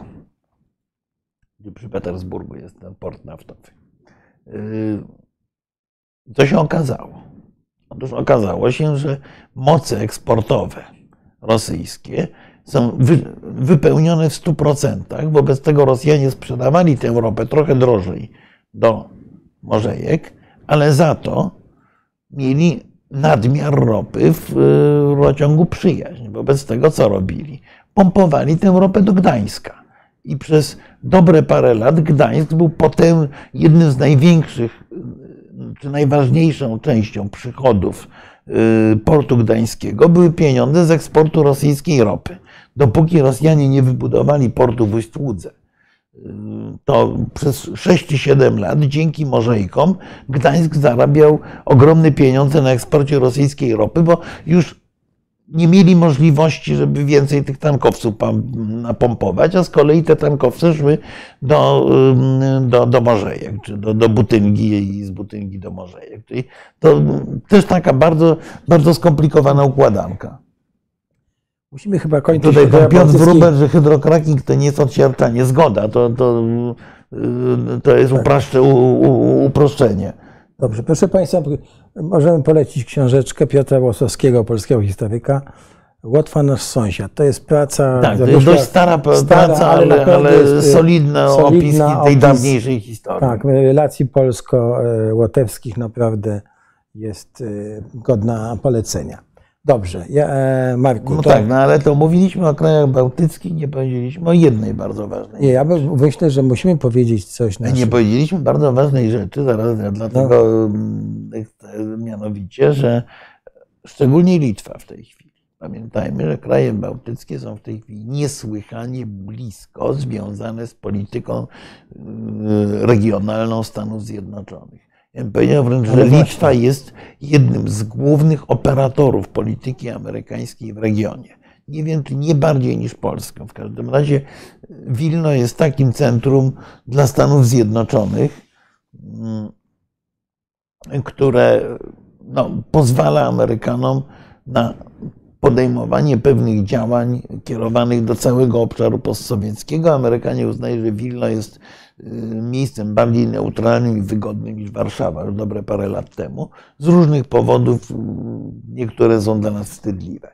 Y, Ale dowodem na to, jak, jak ściśle kraje bałtyckie są związane z polityką amerykańską, jest to, że właściwie Bałtowie ostatecznie wywrócili chiński projekt, tak zwane 17 plus 1, czyli ścisłego współdziałania Chin z Europą, z Europą Środkową. Najpierw Litwa, potem wszystkie pozostałe kraje bałtyckie wyszły z tego formatu. Co więcej, Litwa, y, jako jeden z nielicznych krajów y, na świecie, otworzyła u siebie przedstawicielstwo nie tak jak jest na przykład w Warszawie, Tajpej, tylko formalnie stwierdziła, że to przedstawicielstwo Tajwanu. Chińczycy się wściekli yy, i objęli Litwę embargiem yy, na, na, na różne swoje produkty.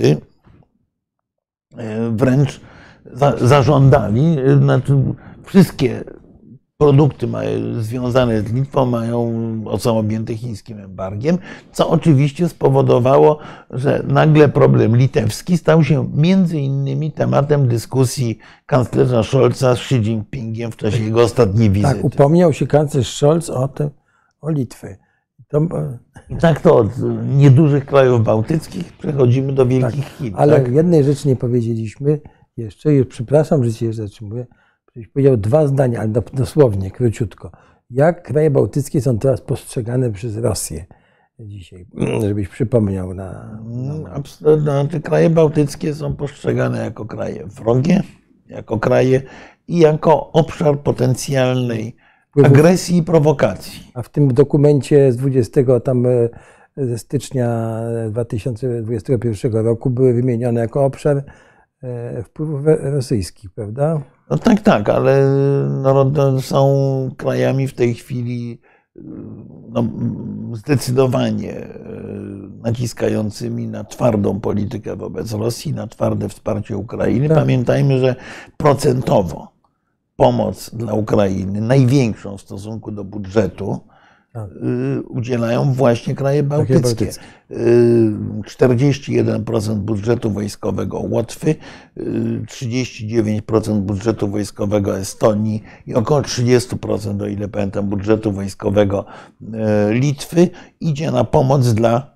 y, Ukrainy. W wypadku Polski to jest tam chyba 7%, w wypadku Stanów Zjednoczonych jest to 3,6%. Mhm. Więc procentowo oni oczywiście to w liczbach bezwzględnych to nie jest specjalnie duże. Naprawdę są niesłychanie zaangażowani we wsparcie dla Ukrainy i są motorem twardej postawy wobec Rosji, bo zdają sobie sprawę, że są tak naprawdę następni na liście po Ukrainie. Mhm. Dobra, to teraz wizyta Scholza. E, Jedziemy. Scholz pojechał do Chin, zabrał ze sobą tę delegację. I Tak. jakie e, są interesy Niemiec i co na to Amerykanie i tak dalej, cały ten. Najpierw, jakie, to może zacznijmy od tego, jakie oświadczenia No, tam tu, padły. tu, tutaj jeszcze d- d- drobniuteńki, d- drobniuteńki uwagi. Już nie pamiętam, ale Litwa produkuje między innymi jakieś istotne komponenty dla Siemensa i to Siemens nalegał, żeby tę ten, ten kwestię po- podnieść. Yy, Litwa jest sporym producentem yy, rolnym, Litwa jest producentem yy, dużym przerobu ropy właśnie i tak dalej, i tak dalej. Więc ten, ten handel z Chinami głównie dotyczył właśnie komponentów robionych we współpracy z, z Niemcami. Dobrze. Do Scholza w takim razie przejdźmy. Oświadczenia, to może zacznijmy te oświadczenia, jakie padły. Ale znaczy, przypomnijmy przedtem, że, przed, oświadczenia że padły przed, różne przed z jeszcze u Xi był e, e, e, pierwszy sekretarz Partii Komunistycznej Tajwanu, no i jeszcze przed Scholzem był, zdaje się, wizyta z, z Pakistanu, tak? Tak. Więc Scholz no, był no, trzeci. No, no tak, no, ale, tak, był, ale... Z, tak powiem, ze świata zachodniego był pierwszy, tak. zdecydowanie. I, i to, co ta wizyta oznaczyła? Tutaj po raz trzeci pada pytanie, czy drugi, czy Niemcy mogą uderzyć zbrojnie na Polskę, jeśli ukierunkują się na sojusze z Chinami, z Rosją? E, znaczy w ogóle nie wiem, czy warto na to odpowiadać. Proszę pana, nie nie uderzą na Polskę. To znaczy, przynajmniej w dającej się przewidzieć przyszłości, przyszłości, bo czy kiedyś uderzą, tego nie wiemy. Nie, na razie po pierwsze nie chcą, po drugie nie mogą. Po, bo, bo, są, bo, bo, bo nie, bo li, liczebnie armia niemiecka jest słabsza od Polski, czołgów mają dużo mniej od nas, tak, ale, trochę więcej ale samolotów. Co by, co by, im z tego przyszło, też nie wiem. No. Tak. Dobrze, jedziemy w takim razie z tym. Więc wizyta Scholza była niesłychanie istotna z y, podstawowego powodu. Jednym z głównych celów polityki Stanów Zjednoczonych wobec Niemiec, wobec Unii Europejskiej jest doprowadzenie do zwarcia szeregów y, świata zachodniego w relacjach z, nie tylko z Rosją, ale i z Chinami.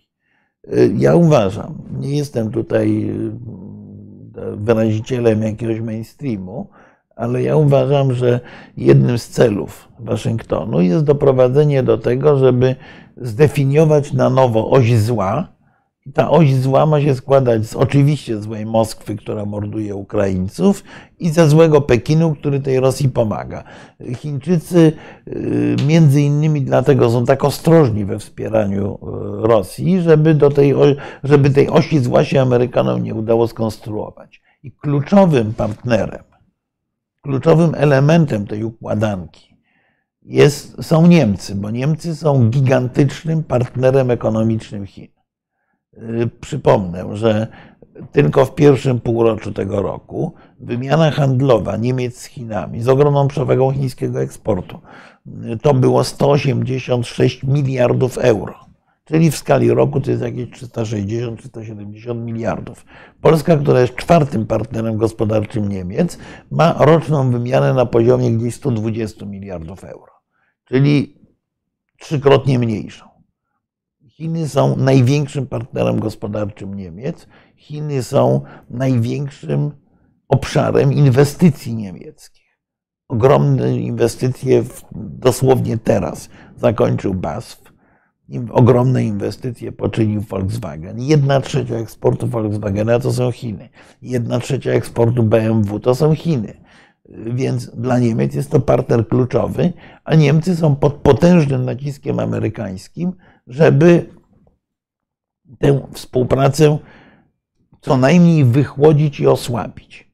Teraz Niemcy również wewnątrz są podzieleni, bo szef Związku Przemysłu Niemieckiego, tego, który zrzesza średnie i małe przedsiębiorstwa, zwrócił się do kanclerza o to, żeby dokonać dywersyfikacji niemieckich inwestycji, niemieckiego handlu. Dywersyfikacji, co ma oznaczać ograniczenie zakupów w Chinach. Bo te małe firmy, po prostu wielkie koncerny z mają, wielkimi koncernami też jest różnie. Tak, wielkimi tak. koncernami też jest różnie. Już kiedyś mówiłem, tak, że tak. ja rozmawiałem z ludźmi z dużego biznesu niemieckiego, którzy mi powiedzieli: Słuchaj, my mamy świadomość, że interesy z Chinami są bardzo wątpliwe, bo Chińczycy w Chinach nie ma ochrony własności intelektualnej. My inwestujemy w zakład w Chinach. Chińczycy natychmiast zaczynają to kopiować. Tak. I za moment mamy konkurencję w postaci trzykrotnie tańszego, co prawda gorszego, ale trzykrotnie tańszego produktu wytwarzanego przez Chińczyków. Tylko my menedżerowie wielkich firm, jesteśmy rozliczani z bilansów rocznego albo dwuletniego. A w tym bilansie rocznym i dwuletnim eksport do Chin czy współpraca z Chinami jest niesłychanie ważna. W dłuższej perspektywie stracimy na tym. Politycy niemieccy mają tego świadomość, aczkolwiek Scholz i w ogóle SPD jest nastawione na głęboką współpracę z Chinami. No bo jakby sztandarowym partnerem e, ekonomicznym e, SPD jest, jak wiadomo, Volkswagen, który najwięcej zainwestował w Chinach. E, więc Scholz znajduje się trochę między młotem a kowadłem. Co prawda nikt w Niemczech nie chce zerwania współpracy z Chinami, bo to by oznaczało gigantyczne straty dla gospodarki niemieckiej, ale Zieloni są tutaj najbardziej sceptyczni. Chadecy też mają świadomość, że należy z tego układu wychodzić. Socjaldemokraci również, przy czym oni oczywiście chcą wychodzić w tempie ślimaczym z tego układu z Chinami. Więc można, Scholz pojechał po to, żeby uspokoić Chińczyków, że Niemcy nie wejdą w koalicję z Amerykanami y, w celu zaduszenia Chin. Ale z drugiej strony no on ma bardzo poważny problem. Tak patrzę, co, co Państwo. Ma bardzo poważny problem, bo Niemcy potrzebują w tej chwili amerykańskiego parasola. To prawda, niemieckie elity powiadają, że Rosja udowodniła, że jest słaba. Z tego nie musimy się bać. Rosji podjabła nam ten amerykański parasol, ale Rosjanie skutecznie straszą bronią atomową, a przed bronią atomową może Niemcy i Europa obronić tylko Ameryka. Wobec tego ta współpraca w dziedzinie bezpieczeństwa i oddziaływanie amerykańskie na nieco y, bardziej y, zintegrowaną politykę europejską jest w jakiejś mierze w interesie amerykańskim. Zresztą to ten tekst, do którego się odwoływałeś, wyraźnie wskazuje na to, że Niemcy poszukują tej wspólnoty interesów. Wobec tego Scholz pojechał oczywiście robić interesy, ale Scholz pojechał również ze świadomością, że musi powiedzieć kilka rzeczy dla Chińczyków nieprzyjemnych. No i powiedział, powiedział te kilka rzeczy nieprzyjemnych, aczkolwiek w formie bardzo miękkiej. Powiedział o kwestii y, Tajwanu, że tutaj Niemcy wyobrażają sobie tylko integrację Chin, no to tak jest nazywane, integrację Chin tylko pokojowej, dyplomatycznej, za obopólną zgodą. Wspomniał o Tybecie, co prawda nie o wolnym Tybecie, ale wspomniał o Tybecie, wspomniał o Xinjiangu, więc ten program obowiązkowy odbył.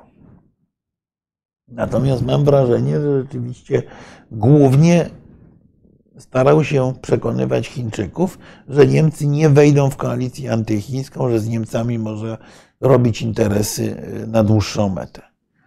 Ale to jest połowa, bo druga połowa y, prawdy jest taka, że Niemcy również, podobnie jak inne kraje Upomniał się- europejskie, Upomniał się też o Litwę Scholz.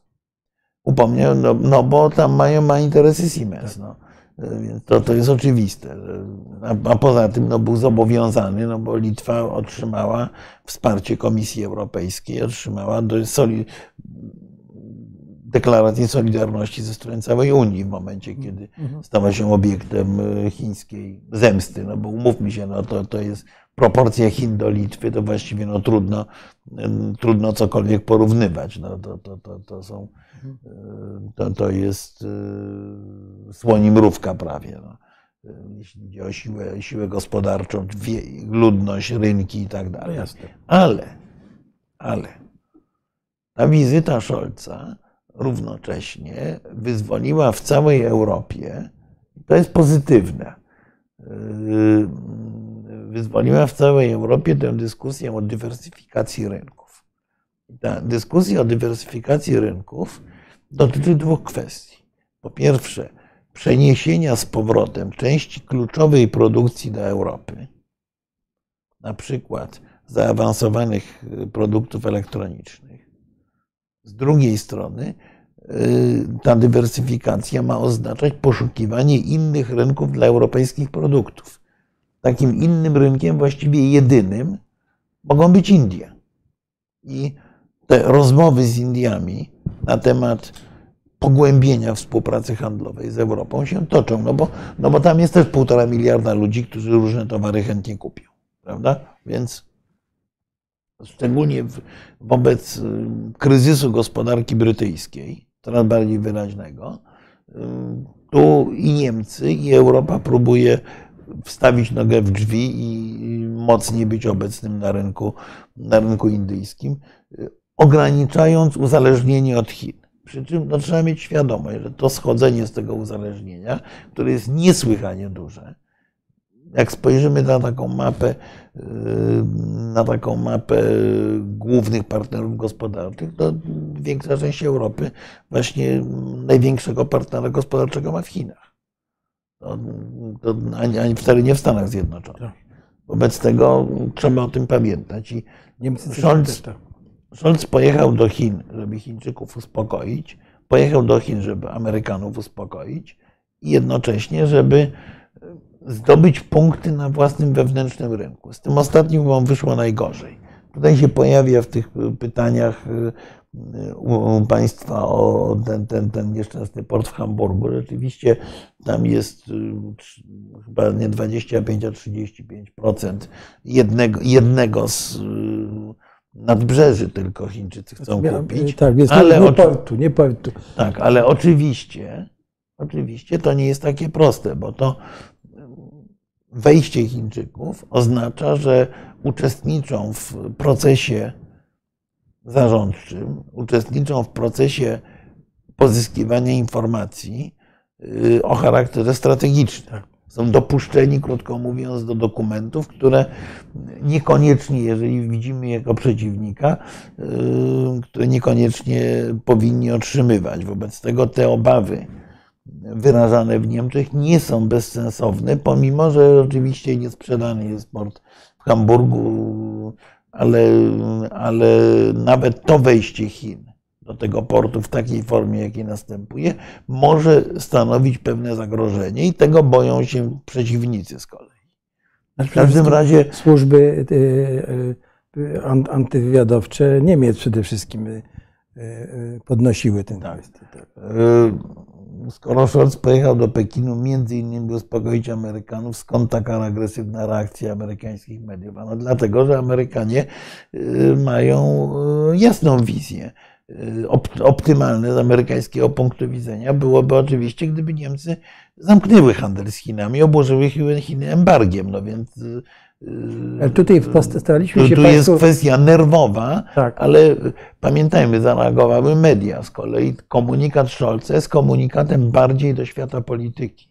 Nie bójcie się nie. Panujemy nad sytuacją. Tak, panujemy nad sytuacją tak, generalnie. Ale najwięcej kłopotów Scholz będzie miał u siebie, bo, bo, tak. bo już w tej chwili. Poczekamy jeszcze na, na reakcje niemieckie, e, tak. nie, nieprasowe. Bo już strzelają do niego przeciwnicy tak, polityczni, ale, że za ale, daleko poszło. Ale ja bym tu chciał jeszcze skomentować jedną rzecz. No. Amerykanie mają własną e, energię. Tak? E, gaz mają 5 czy 7 razy tańszy przemysł amerykański masz niż Niemcy w tej chwili. Więc no, łatwo jest Amerykanom e, mówić, prawda, żeby zamknąć ja nie bronię tutaj nikogo, tylko analizuję no, sytuację. Amerykanie są prawda? No, uwikłani we współpracę z Chinami gigantyczną. No, Chińczycy są, mają tak, chyba tak, około biliona dolarów amerykańskich obligacji rządowych i tak dalej, tak, więc... No, Chińczycy mają masę, poza tym yy, waluty amerykańskie. No po prostu tak. jakby chcieli wykończyć ten zjednoczony, to mogą to wszystko zacząć, nie wiem, rzucić na Nie, no na Chińczycy mogą, dolary no, mówię, bilion dolarów amerykańskich obligacji, tak. więc rzucają te obligacje na rynek i Amerykanie mają ogromny kłopot. No. Tak, więc y, y, Niemcy bronią e, swoich interesów. Ja tutaj nie, nie mówię, nie bronię nikogo, po prostu po to się prowadzi politykę zagraniczną i no, żeby po prostu bronić swoich interesów. Marku, ale co e, jeszcze z tej wizyty wynika? Bo co powiedział Xi w czasie tej wizyty? Bo chyba to jest istotne, prawda? Znaczy, Xi w ogóle wysyła dwa kompletnie No odmienne y, zestawy Jeden, komunikatów. jeden do jednych, Tak. inny do drugich. Znaczy nie, no, to co Chińczycy mówią, i mówią bardzo wyraźnie, to mówią na przykład, że e, wojna atomowa jest złem absolutnym, Mhm. prawda? I to również powiedzieli do, w tych rozmowach z Scholzem, bo Chińczycy się niesłychanie obawiają tego, że Rosjanie odczarują broń atomową. Po drugie, Chiny oczywiście y, wracają do y, tej opowieści o współpracy gospodarczej, o pogłębianiu pokoju i tak dalej, i tak że oni, znaczy krótko mówiąc, Xi starał się odróżnić od Putina możliwie mocno w rozmowach z, komunika, w, kom, po- w komunikacie po Scholzu. I y, wreszcie Chińczycy bardzo wyraźnie wskazali, że oni postrzegają Europę jako partnera y, i politycznego, i ekonomicznego. Czyli krótko mówiąc, próbowali wbić klin pomiędzy Europę i Amerykę. To jest między innymi też powód tych nerwowych reakcji amerykańskich, o których Państwo tutaj Tak. mówią. Czyli w takim razie y, następny, kogo zaprosi Xi, to będzie Macron? Eee, Bo wiesz, tak, Macron by się pewnie chętnie sam wprosił, ale ja myślę, że nie, ja myślę, że kluczem dla e, Xi to jest w tej chwili rozmowa z, ze swoim sojusznikiem irańskim, bo Iran e, no, no to już zmieńmy w takim razie. bardzo wyraźnie się wpakował w oś zła, a poza tym, jak mówimy o komunikatach chińskich, to pamiętajmy o jednej rzeczy. Otóż e, Chiny mają swoją Białoruś. Mhm. Tak jak różne brewerie polityczne i nie tylko, wyczyniane przez Aleksandra Łukaszenkę, były bardzo często inspirowane z Moskwy. Po to, żeby zobaczyć, jaka jest reakcja świata na różne dziwne, bardzo kontrowersyjne działania. Czy będzie walnięcie pięścią w stół, czy takie tylko pogrożenie ATT y, Łukaszence. Myślę, że y, bardzo zdecydowane utwardzenie polityki wewnętrznej rosyjskiej było wynikiem obserwacji tego, co się stało po 2020 roku, kiedy y, Łukaszenka w sposób skrajnie brutalny stłumił demonstracje. Rosjanie zobaczyli, że reakcja świata jest umiarkowana, wobec tego można, można w tym kierunku jechać. Otóż mamy niesłychanie brutalne działania reżimu Kima e, z Korei Północnej. Wystrzeliwanie rakiet, y, podrywanie setek samolotów, rakiety balistyczne przelatujące nad terytorium Japonii, rozbijające się tuż przy wybrzeżu Korei Południowej, jak 140 bombowców y, lecących w kierunku Korei Południowej, na co południe za- zareagowało poderwaniem prawie całego lotnictwa myśliwskiego. Y, y, I teraz po co on to robi? Może to robić na zlecenie albo Chińczyków, to jest bardzo prawdopodobne, bo Chiny chętnie przetestują z kolei reakcję Zachodu na zwiększenie, Stanów Zjednoczonych właściwie, to już nie Zachodu, Stanów Zjednoczonych na zwiększenie napięcia nad morzu, na Morzu Południowochińskim. To napięcie Koreańczycy eskalują do, niemal do granic wojny. A Chiny to obserwują, obserwują reakcję. Między innymi dlatego Amerykanie w tej chwili odbywają największe w historii ćwiczenia lotnicze z Koreą Południową. Wspólne, prawda? Yy, Więc yy, z jednej strony mamy pewne gesty ugodowe, wyraźnie taka ciepła rozmowa z tym Scholzem i mówienie o Chinach jako o brokerze pokoju, a z drugiej strony napięcie robię eskalowane przez państwo, które jest w ogromnym stopniu od Chin zależne.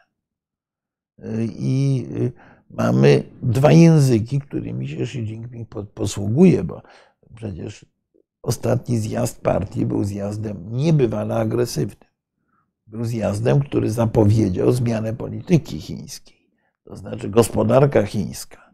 To jest też sygnał pewien dla Niemców istotny. Gospodarka chińska ma się skupić głównie na zaopatrzeniu, rozkręceniu rynku wewnętrznego, a na zewnątrz Chiny mają prezentować politykę bardziej asertywną. Zresztą no, oficjalnie powiedziano, że 2049 rok to jest rok, ostatni moment, kiedy ma nastąpić pełna integracja Tajwanu. Ktoś powie 2049 to jest bardzo odległy termin. E, no nie, Chwileczkę, mamy 27 lat. Wobec tego cofnijmy się do roku 1997 i będziemy mieli ten sam dystans czasowy. Mhm. To nie jest tak bardzo daleko. Jeżeli ktoś w 1997 roku by oznajmił, że do roku 2023 Ukraina zostanie przyłączona do Rosji, no lekko by się zaniepokoił, prawda? No, jest to deklaracja właściwie tego samego typu ze strony chińskiej.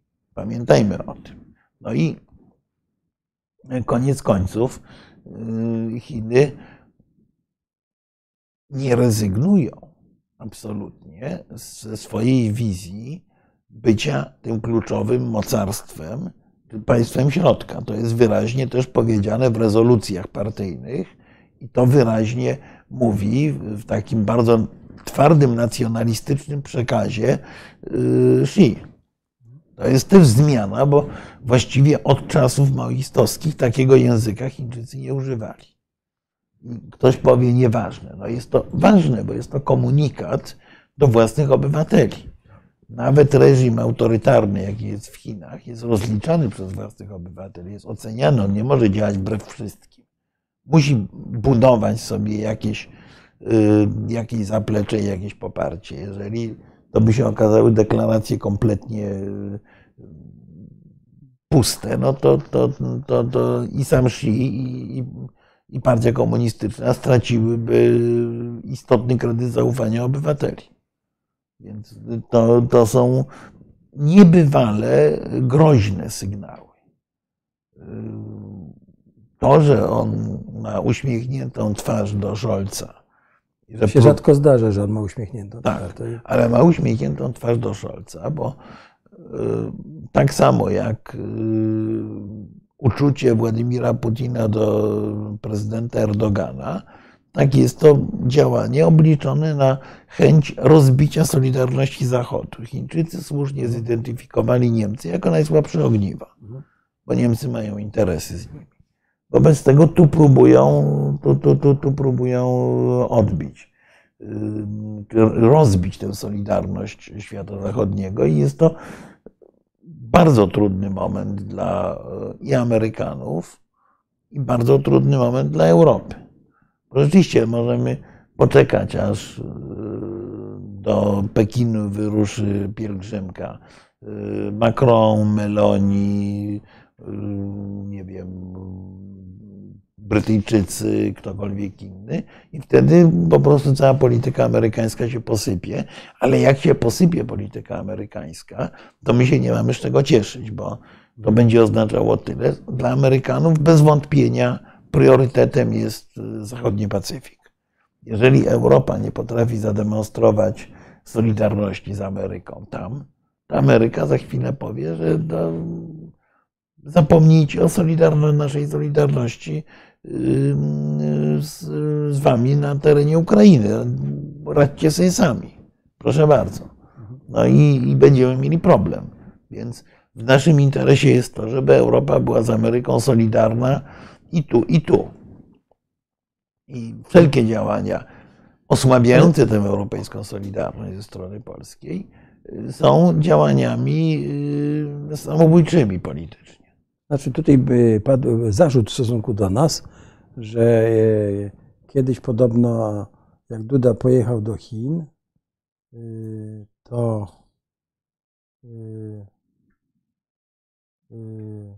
ale muszę zwrócić uwagę na niekonsekwencje. Po Dudzie waliliście za wizytę w Pekinie czy w Turcji, ale Niemcy mogą bronić, jak rozumiem, interesów. Więc, yy, znaczy, no, pytanie, znaczy, krytyka, krytyka wyprawy prezydenta Dudy do Pekinu yy, wynikała zupełnie z czegoś innego. Otóż yy, to była próba niez, niezbyt chyba przemyślana e, takiego Pojechał na olimpiadę, powie, takiego, na otwarcie olimpiady. tak, takiego pokazania Amerykanom, że no słuchajcie koledzy, my mamy tutaj alternatywę. Otóż nie mamy tej alternatywy. Znaczy, by- Jest to, rozumiem, to, że Niemcy mają Niem, e, Niemcy milion mają, miejsc pracy, które zależą od i, i e, mają gigantyczne interesy. Natomiast my nie mamy zasadzie na, Znaczy- nasz, nasz eksport do Chin jest żaden. tak. Nasz import z Chin jest spory, ale też nie jakoś szczególnie duży. Nie mamy życiowych interesów gospodarczych związanych z Chinami. tak. Więc Yy, e, Wobec tego, po co ten gest był w takim razie? no, Żeby pokazać nie, Amerykanom- ten gest był, po, żeby zademonstrować samodzielność Samodzielność, polskiej no polityki. No trochę, trochę to dziecinne. No mówię, to jest zupełnie, jest zupełnie inny ciężar gatunkowy. No jest naprawdę, yy, jeżeli yy, mamy z jednej strony, już nie pamiętam, ale tam 8 czy 10 miliardów dolarów yy, wymiany handlowej polskiej z Chinami, tam Chiny są na siódmym, ósmym miejscu wśród polskich partnerów, a w wypadku Niemców są to setki miliardów i jest to trzon inwestycji w Chinach zachodnich, to jest to zupełnie inna rozmowa. Można by powiedzieć, że wizyta Scholza w Chinach w pewnym, była też w pewnym se- sensie w naszym interesie w tym przypadku, prawda? Znaczy, i O tak, ile, o ile się pod stołem nie dogadali. Tak, o ile tak, ale gospodarczym pewnie trochę tak, no politycznym no to już zupełnie inna ocena. Ale zacząłeś mówić o tym, że Chiny mają problem z Iranem, prawda? Bo teraz, Mają problem z y, Iranem. Znaczy o Korei Północnej już mówiliśmy, prawda, że to jest... y, Tak, no ale Iran też był y, ścisłym sojusznikiem Chin. tak. Irańczycy, tylko Chiny kupowały ropę irańską bez ograniczeń bez problemów. Yy, Chiny były y, istotnym eksporterem yy, łamiącym embargo amerykańskie w relacjach z Iranem. Yy, Chiny wreszcie traktowały Iran jako część swojego yy, drugiej odnogi swojego jedwabnego szlaku prowadzącego do Zatoki Perskiej, prowadzącego również do Europy przez, przez terytorium Iranu. Iran w myśleniu chińskim był sojusznikiem. I nagle ten Iran y, też zaczyna prowadzić politykę y, no, awanturniczą, chyba tak to można określić, bo wejście w eksport broni do Rosji, prawda, Irańczycy temu zaprzeczają cały czas.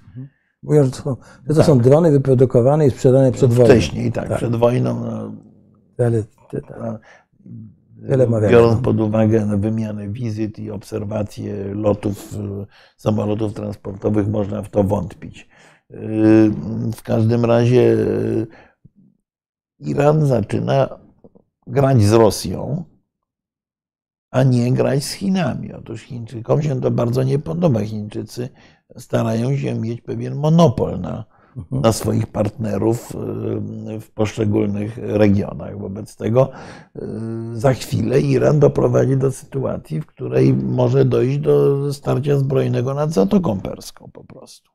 Bo jeżeli Iran rzeczywiście otrzymałby od Rosji technologie nuklearne, no to y, nie mam wątpliwości, że szczególnie po wyborze Netanyahu, y, Izrael y, te instalacje nuklearne irańskie zaatakuje zbrojnie. Jeżeli Izrael zaatakuje, Iran prawdopodobnie odpowie. Jest pytanie, co, w co z tą całą zabawą teraz zrobi Arabia Saudyjska, która też serdecznie nienawidzi Iranu i będzie szukała okazji do, do, do, do konfliktu. Czyli Chińczycy, którzy rzeczywiście nie chcą, żeby te konflikty się rozlewały, bo jest to dla nich kłopot, nagle mają swojego sojusznika, który im wysadza kawałek, ka- kawałek yy, yy, środkowego wschodu. Ja lubię to określenie brytyjskie. Więc też, czy to oznacza, że polityka chińska jest nieskuteczna? Bardzo możliwe. Chinom zostaje jeszcze sojusznik w postaci Pakistanu, ale też no, Pakistan jest No, on jest potwornie zdestabilizowany, w tej chwili. tak. Tam, tam może nieomal czołga się po granicy wojny domowej i głębokiego kryzysu gospodarczego.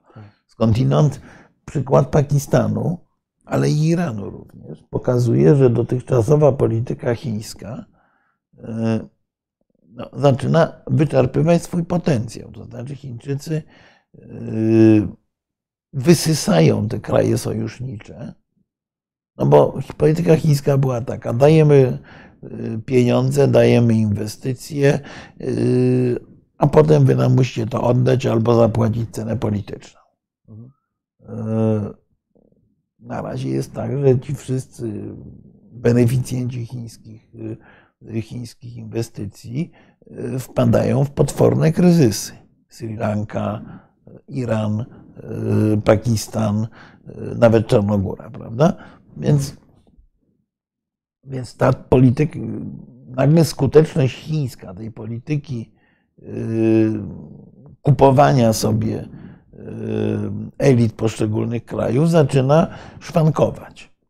I Iran będzie kluczowym testem, czy Chińczycy zapanują nad polityką irańską ponownie, czy Iran rzeczywiście yy, sam zdestabilizowany. Są nieustanne demonstracje, są y, setki ofiar, kobiety i tak dalej, i tak dalej. Iran sobie w ogóle y, wizerunek na świecie kompletnie zdemolował. Ale czy Iran potrafi odbudować y, relacje z Chinami? Potrafi zmiękczyć swoją politykę zgodnie z tą wizją, którą zaprezentował Xi w rozmowach z Scholzem, nie jestem pewien. Wydaje mi się, że y, cały ten projekt chiński, y, określany mianem nowego jedwabnego szlaku, ale oczywiście będący pewnym projektem politycznym, zbajpasowania Rosji i Ameryki, y, zaczyna się sypać. I zaczyna się sypać głównie w wyniku rosyjskiej napaści na Ukrainę. Z tego ja sądzę, że Chińczycy do, tej, do tego pomysłu napaści rosyjskiej coraz bardziej sceptycznie podchodzą. Bo Chińczykom się wydawało na początku, jak zresztą szybko na podstawie zapewnień, że tak, że Rosja tutaj przetrze szlaki reintegracji imperiów i że oni potem szlakiem rosyjskim potrafią podbić Tajwan. No jeżeli będą podbijali Tajwan tak skutecznie jak Rosja Ukrainę, no to, to, to ten rok 2049 może się okazać za, za wczesną datą. Dla, dla chińskich planów. W każdym razie wszyscy uczestnicy tej gry są e, w niesłychanie trudnej sytuacji, bo e, również Amerykanie e, mają, mają kłopot, bo no, zderzają się z daleko idącymi żądaniami Ukrainy. Ofensywa ukraińska częściowo wyhamowała, ale wydaje się, że Ukraińcy łapią kolejny oddech, próbując odbić przynajmniej część terytoriów, a z kolei w Stanach coraz częściej odzywają się głosy, że, że no, może nie tak szybko. No, tak, ale mi tak szybko, ale że odbijają się głosy, że możemy, że powinniśmy już zmierzać do jakiegoś rozwiązania. Tak, prawda? no to się pojawiło również nie w wypowiedzi Scholza tym razem, tylko w wypowiedzi Erdogana na podstawie rozmowy z Scholzem, gdzie Erdogan stwierdził, że Scholz też zmienia zdanie i uważa, że trzeba dążyć do pokoju. No umówmy się, mówienie w tej chwili o pokoju na Ukrainie oznacza przy- y, zakonserwowanie klęski Ukrainy.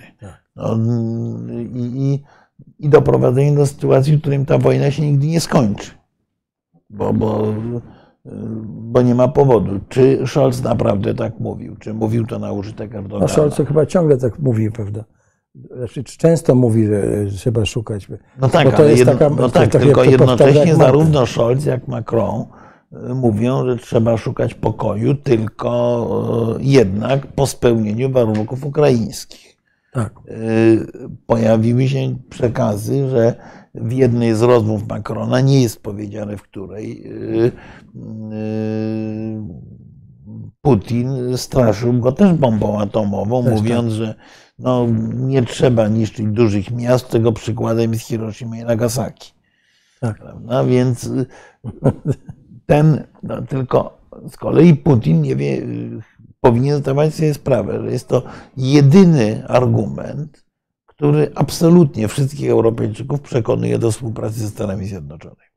Jak on mówi o bombie atomowej, to w tym momencie yy, zapala się czerwone światełko. No, trudno. Chcemy, nie chcemy, bez wuja same nie damy rady.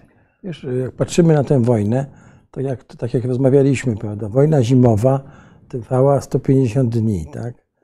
Yy, nie, no, ta wojna. A ta trwa bardzo długo. No, no nie, no ta wojna trwa już szukając porównań z II wojną światową, to jest taki, to jest czas, który dzielił napaść na Polskę od napaści na Francję. Czyli tak. zwycięską niemiecką kampanię w Polsce, czyli sowiecką napaść na Finlandię, czyli zwycięską niemiecką kampanię w Norwegii y, i przygotowanie się do kolejnej wojny. To jest naprawdę bardzo, to jest długa wojna. To jest długa wojna, którą, y, y, która jest oczywiście śmiertelnie niszcząca dla Ukrainy, y, ale również jest niszcząca dla Rosji. Ja się nie zgadzam no. trochę z tezą Marka Budzisza, że Rosja ma takie zasoby. niewielkie straty, że ma gospodarka rosyjska ucierpiała dużo bardziej niż by wynikało z opowieści propagandowych. To wyraźnie widać. No, widać z danych, widać z bezrobocia i tak dalej, i tak dalej. To prowadzi do bardzo głębokiego kryzysu na całym obszarze postsowieckim. Bardzo głębokiego kryzysu, który, wróćmy do początku naszej rozmowy i do, tego, do tych celów Polski, tak. który sprawia, że no, pali nam się koło granicy. Mhm. Pali nam się koło granicy i to takie wielkie ognisko. I to, do czego myśmy powinni zdążyć, dążyć, to jest to, żeby to ognisko jak najdalej od nas odsunąć, czyli, czyli ucywilizować yy, w sensie przyjęcia zachodnich norm i przyjęcia do zachodnich organizacji Ukrainy, Białorusi, Mołdawii. Przynajmniej tyle. Mhm. No bo to odsunie Rosję na tyle daleko, mówiliśmy o krajach bałtyckich, że znajdziemy się w sytuacji takiej, jaka istniała gdzieś tam w końcu XVII wieku, kiedy Rosja była ważnym graczem, ale graczem zewnętrznym. Do tego powinniśmy dążyć, tak jak powinniśmy dążyć do, do tego, żeby nie dopuścić, aby Chiny były w jakimkolwiek sensie graczem na obszarze szerokim euroatlantyckim. Bo w momencie, kiedy Chiny będą tutaj wpuszczone jako istotny gracz, no to największe niebezpieczeństwo jest związane z Niemcami, ale nie tylko, bo, bo w pewnym momencie na kartą chińską próbowali grać Grecy. Tutaj zresztą e, też nasi słuchacze w pewnym momencie, że Chiny, no, przez współpracę z Chinami można się modernizować. No, jakoś nie jestem przekonany do tego, bo, bo same Chiny y, jeszcze nie są tak zmodernizowane, jak nam się wydaje. My o, słyszymy mnóstwo legend o tej nowoczesności chińskiej, jednak główne y, centra najnowszych technologii są poza Chinami. Chiny są odcięte od części tych nowych technologii i chipów. Więc to Chiny Wiesz, oczywiście no, mają ogromnie. Właśnie tutaj... ostatnio rozpadł mi się taki transmitter do samochodu który był, miał napisane na sobie, że jest design in Poland, e, but e, made in China. I, e, i tak. co z tego, że bardzo dobry, jak mi się rozpadł właśnie. Ale wracając, słuchaj, chciałbym jeszcze Cię zapytać, bo mówiliśmy o Iranie, prawda, o tym, że Chińczykom ten Iran, tak, ale tutaj, jak mówimy o Iranie, Arabii Saudyjskiej, i, no to są dwa kraje, które pominęliśmy. Bibi, Izrael, tak? No i jeszcze wróćmy do Turcji na chwileczkę. Dobrze, więc najpierw Bibi i Izrael. No bo, Bibi Izrael, no, znaczy wybory. wybory no bardzo krótko. Tak. Ogromny sukces Likudu i Netanyahu. Ogromny, bo, bo oni odnieśli realny sukces wyborczy, bo wypchnęli właściwie partie mające poparcie Palestyńczyków z parlamentu i w tej chwili Bibi będzie miał możliwość sformowania rządu, aczkolwiek z bardzo twardo, twardą prawicą izraelską, więc będzie to raczej rząd, który będzie szedł jeszcze, jeszcze ostrzejszym kursem i wobec Palestyńczyków, i wobec Iranu. E, na, być, może, być może Netanyahu się uda no, kolejny raz doprowadzić do sytuacji, że rząd będzie pełną kadencję rządów, bo, bo, bo ten kontrans wyborczy w Izraelu był męczący i osłabiający Izrael. Natomiast nie miejmy złudzeń, że e, to jakoś zadziała na na relacje polsko-izraelskie. One się bardzo ochłodziły i nie sądzę, żeby Netanyahu te, te relacje gwałtownie zmienił. Jest pytanie natomiast o relacje rosyjsko-izraelskie, mhm. bo Netanyahu był zwolennikiem współpracy z Rosją. Natomiast e, pamiętajmy, że e, flirt Moskwy z Teheranem wkurzył, mówiąc językiem potocznym, wkurzył Izraelczyków wyjątkowo. No wiesz, ale te, te technologie nuklearne dla Iranu to jest śmiertelne niebezpieczeństwo Nie, no to, dla, dla, Izraela, co tu dużo mówić. No. To by oznaczało tyle, że mówię, Izrael po prostu zdecyduje się na użycie siły zbrojnej wobec Iranu yy, i oczywiście wciągając jeszcze w to Amerykanów, to, to, to jest jasne. Natomiast, natomiast zwycięstwo Netanyahu yy, Izrael jest krajem ważnym dla Polski. To jest w ogóle odrębny temat.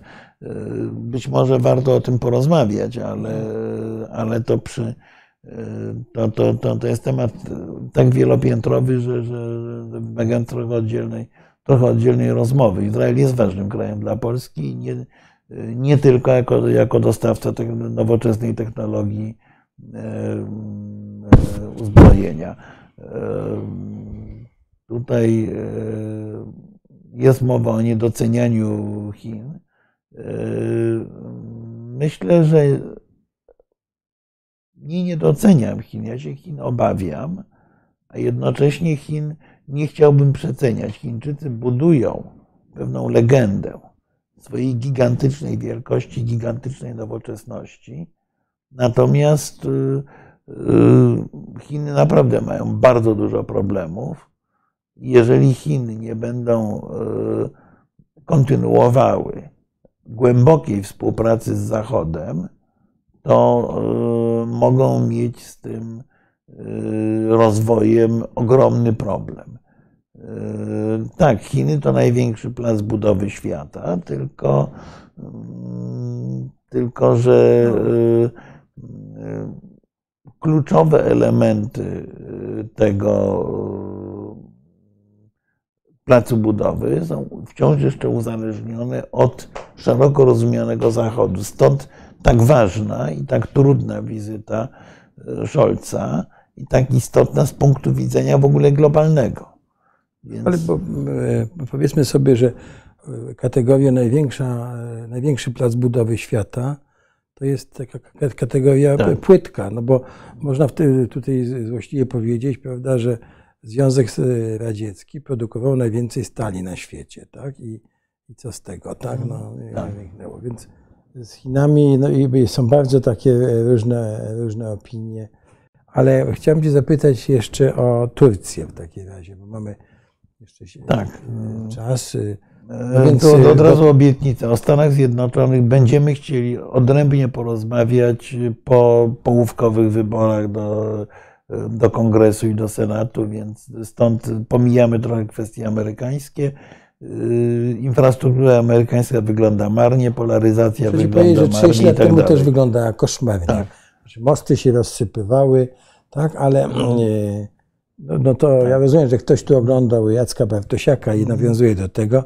Infrastruktura. Nie, ale rzeczywiście Amerykanie e, oczywiście mają ogromne problemy. Są przede wszystkim podzieleni na tak jak. Tak, mają Polska, ogromne problemy wewnętrzne, ale z kolei no, e, ich To zawsze je mieli, no. tak, ale ich ciężar jest tak duży, że e, oczywiście mają problemy i problemy amerykańskie są naszymi problemami. Brazylia oczywiście, oczywiście. Zaraz musimy coś powiedzieć o tym, o Lulu.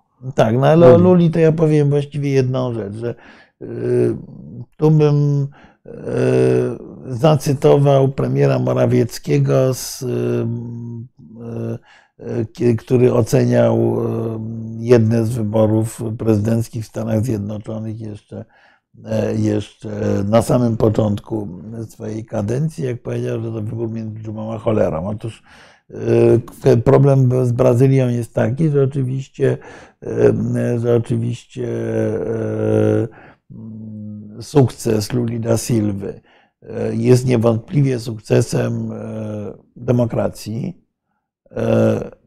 Jestem pełen uznania, że Brazylijczycy nie poszli śladem Ameryk Stanów Zjednoczonych, w tym Zresztą sensie, że Bolsonaro się też nie zachował. podważono wyniku wyborów. Bolsonaro się też Tak. zachował, bo rozładował przecież tak. te, te blokady kierowców. Tak. Ale Nie, nie podważył wyniku wyborów. tak. Y, Myślę, że jeden pozytywny efekt wyboru e, Luli da Silva to jest to, że Brazylia prawdopodobnie e, wróci do rozmów o ochronie klimatu i o ochronie Puszczy Amazońskiej, która jest kluczowa z punktu widzenia e, równowagi ekologicznej na świecie. Natomiast pamiętajmy z kolei, że zwycięstwo Luli jest sukcesem Xi Jinpinga i jest sukcesem y, w jakimś sensie Władimira Putina, ponieważ Lula jest zdania, że winy w y, konflikcie ukraińskim są podzielone, czyli nie stanie, nie staje wyraźnie po stronie świata zachodu, prawda? Więc y, trzeba o tym, trzeba o tym Bolsonaro pamiętać. jednak by- był Bolsonaro bliżej Zachodu. Był mimo wszystko bliżej, bliżej Zachodu, a, do, a dostawał z kolei nieustannie po łapach, co go potwornie irytowało, bo dostawał po łapach za, za, za swoje poglądy, mm, powiedzmy, e, skrajnie konserwatywne w niektórych kwestiach, no i za, za to, co się działo e, właśnie z Amazonią, e, co, co, co wszystkich e, denerwowało. Słuchaj, dobrze, to jeszcze tu Turcja? No, Turcja, no, Turcja to jest odrębna historia. ogóle. mamy ten, e, Turcja się postawiła w gruncie rzeczy. Znaczy, Oczywiście, Turcja się postawiła wszystkim. Tak, Yy, Myślę, że rzeczywiście Erdogan doszedł do wniosku, że on jest sułtanem. Yy, Turcja ma w tej chwili jedną yy, bardzo brzydką rzecz za kołnierzem, czyli blokowanie rozszerzenia NATO. I myślę, że to jest dla Turków potwornie ryzykowna rozgrywka, bo ja nie już wiem, czy... nawet Węgry nie, nie blokują. Tak. prawda? Nie, więc ja myślę, że Turcy mogą, za, mogą się znaleźć w sytuacji, w której usłyszą, że znajdą się poza NATO albo, albo NATO yy, pozbawi ich prawa głosu w jakichś sprawach, bo, bo yy, akcesja, bo akcesja Skandynawii jest z punktu widzenia bezpieczeństwa europejskiego absolutnie kluczowa. Skandynawia jest w tej chwili w takiej, a nie innej sytuacji ważniejsza od Turcji wręcz.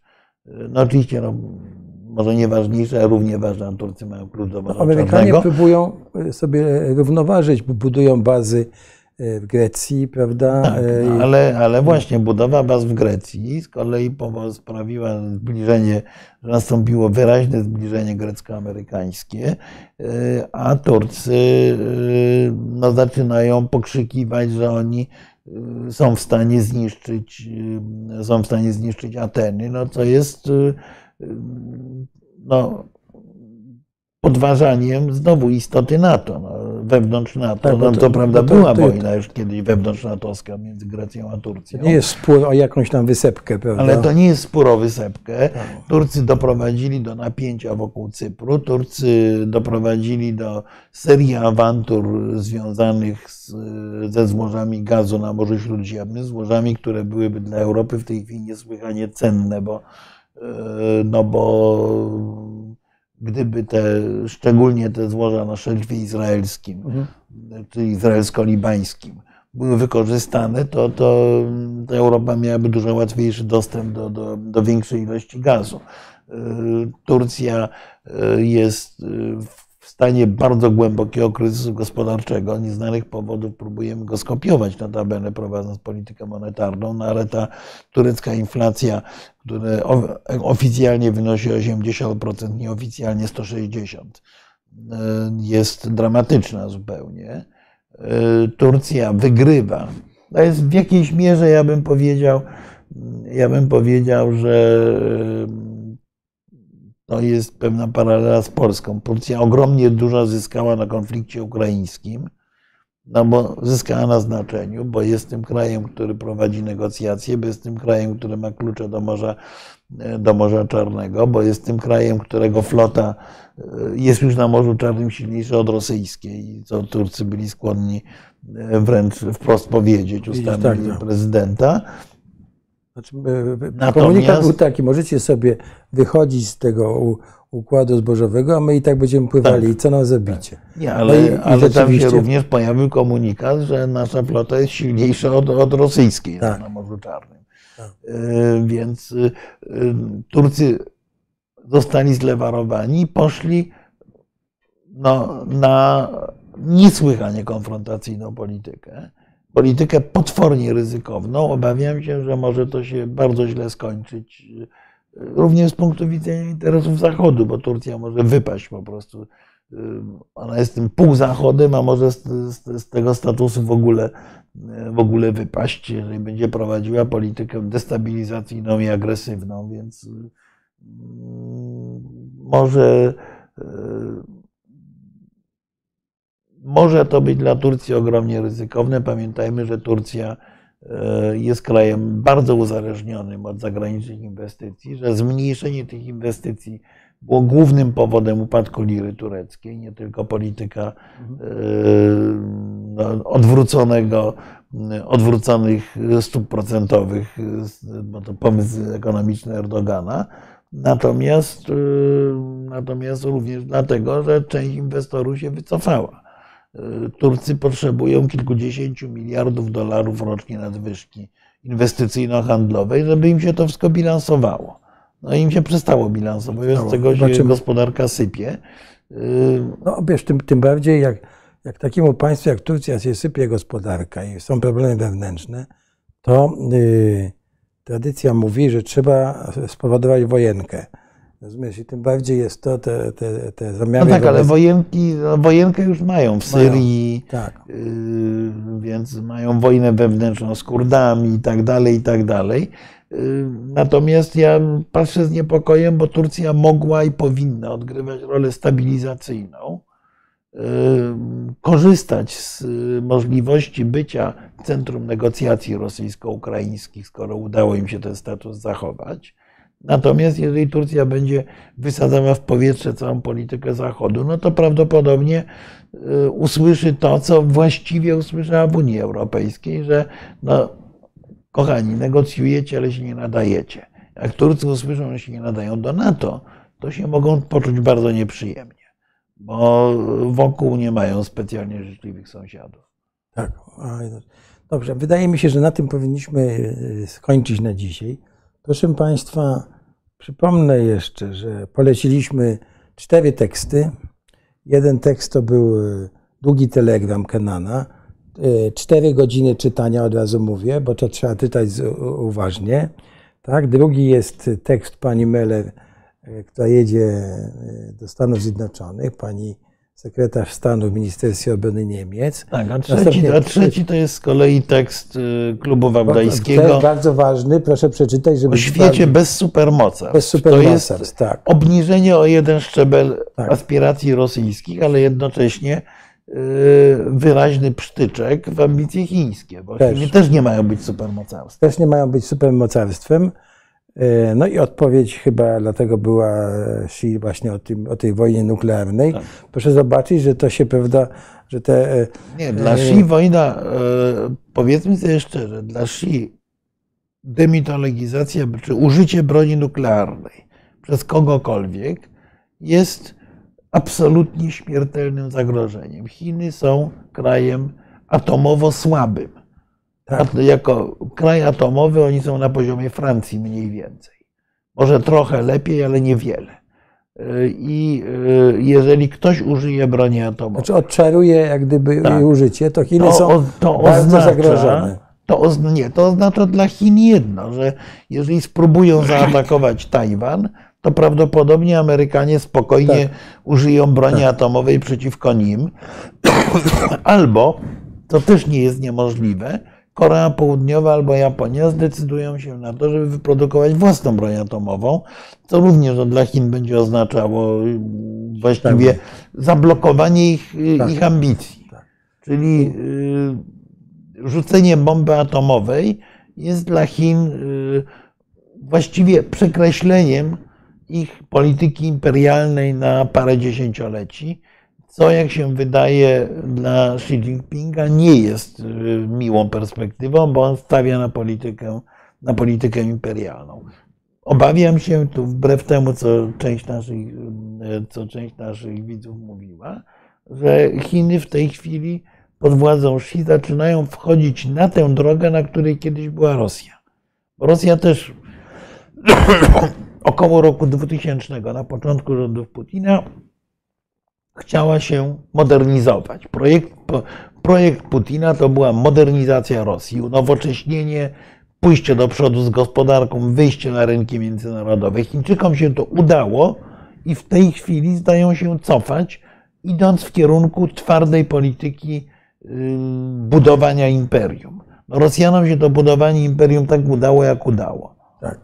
I y, czwarty, czwarty y, tekst, jaki poleciliśmy, weźcie książkę, Piotr Łosowski, Łotwa, nasz sąsiad.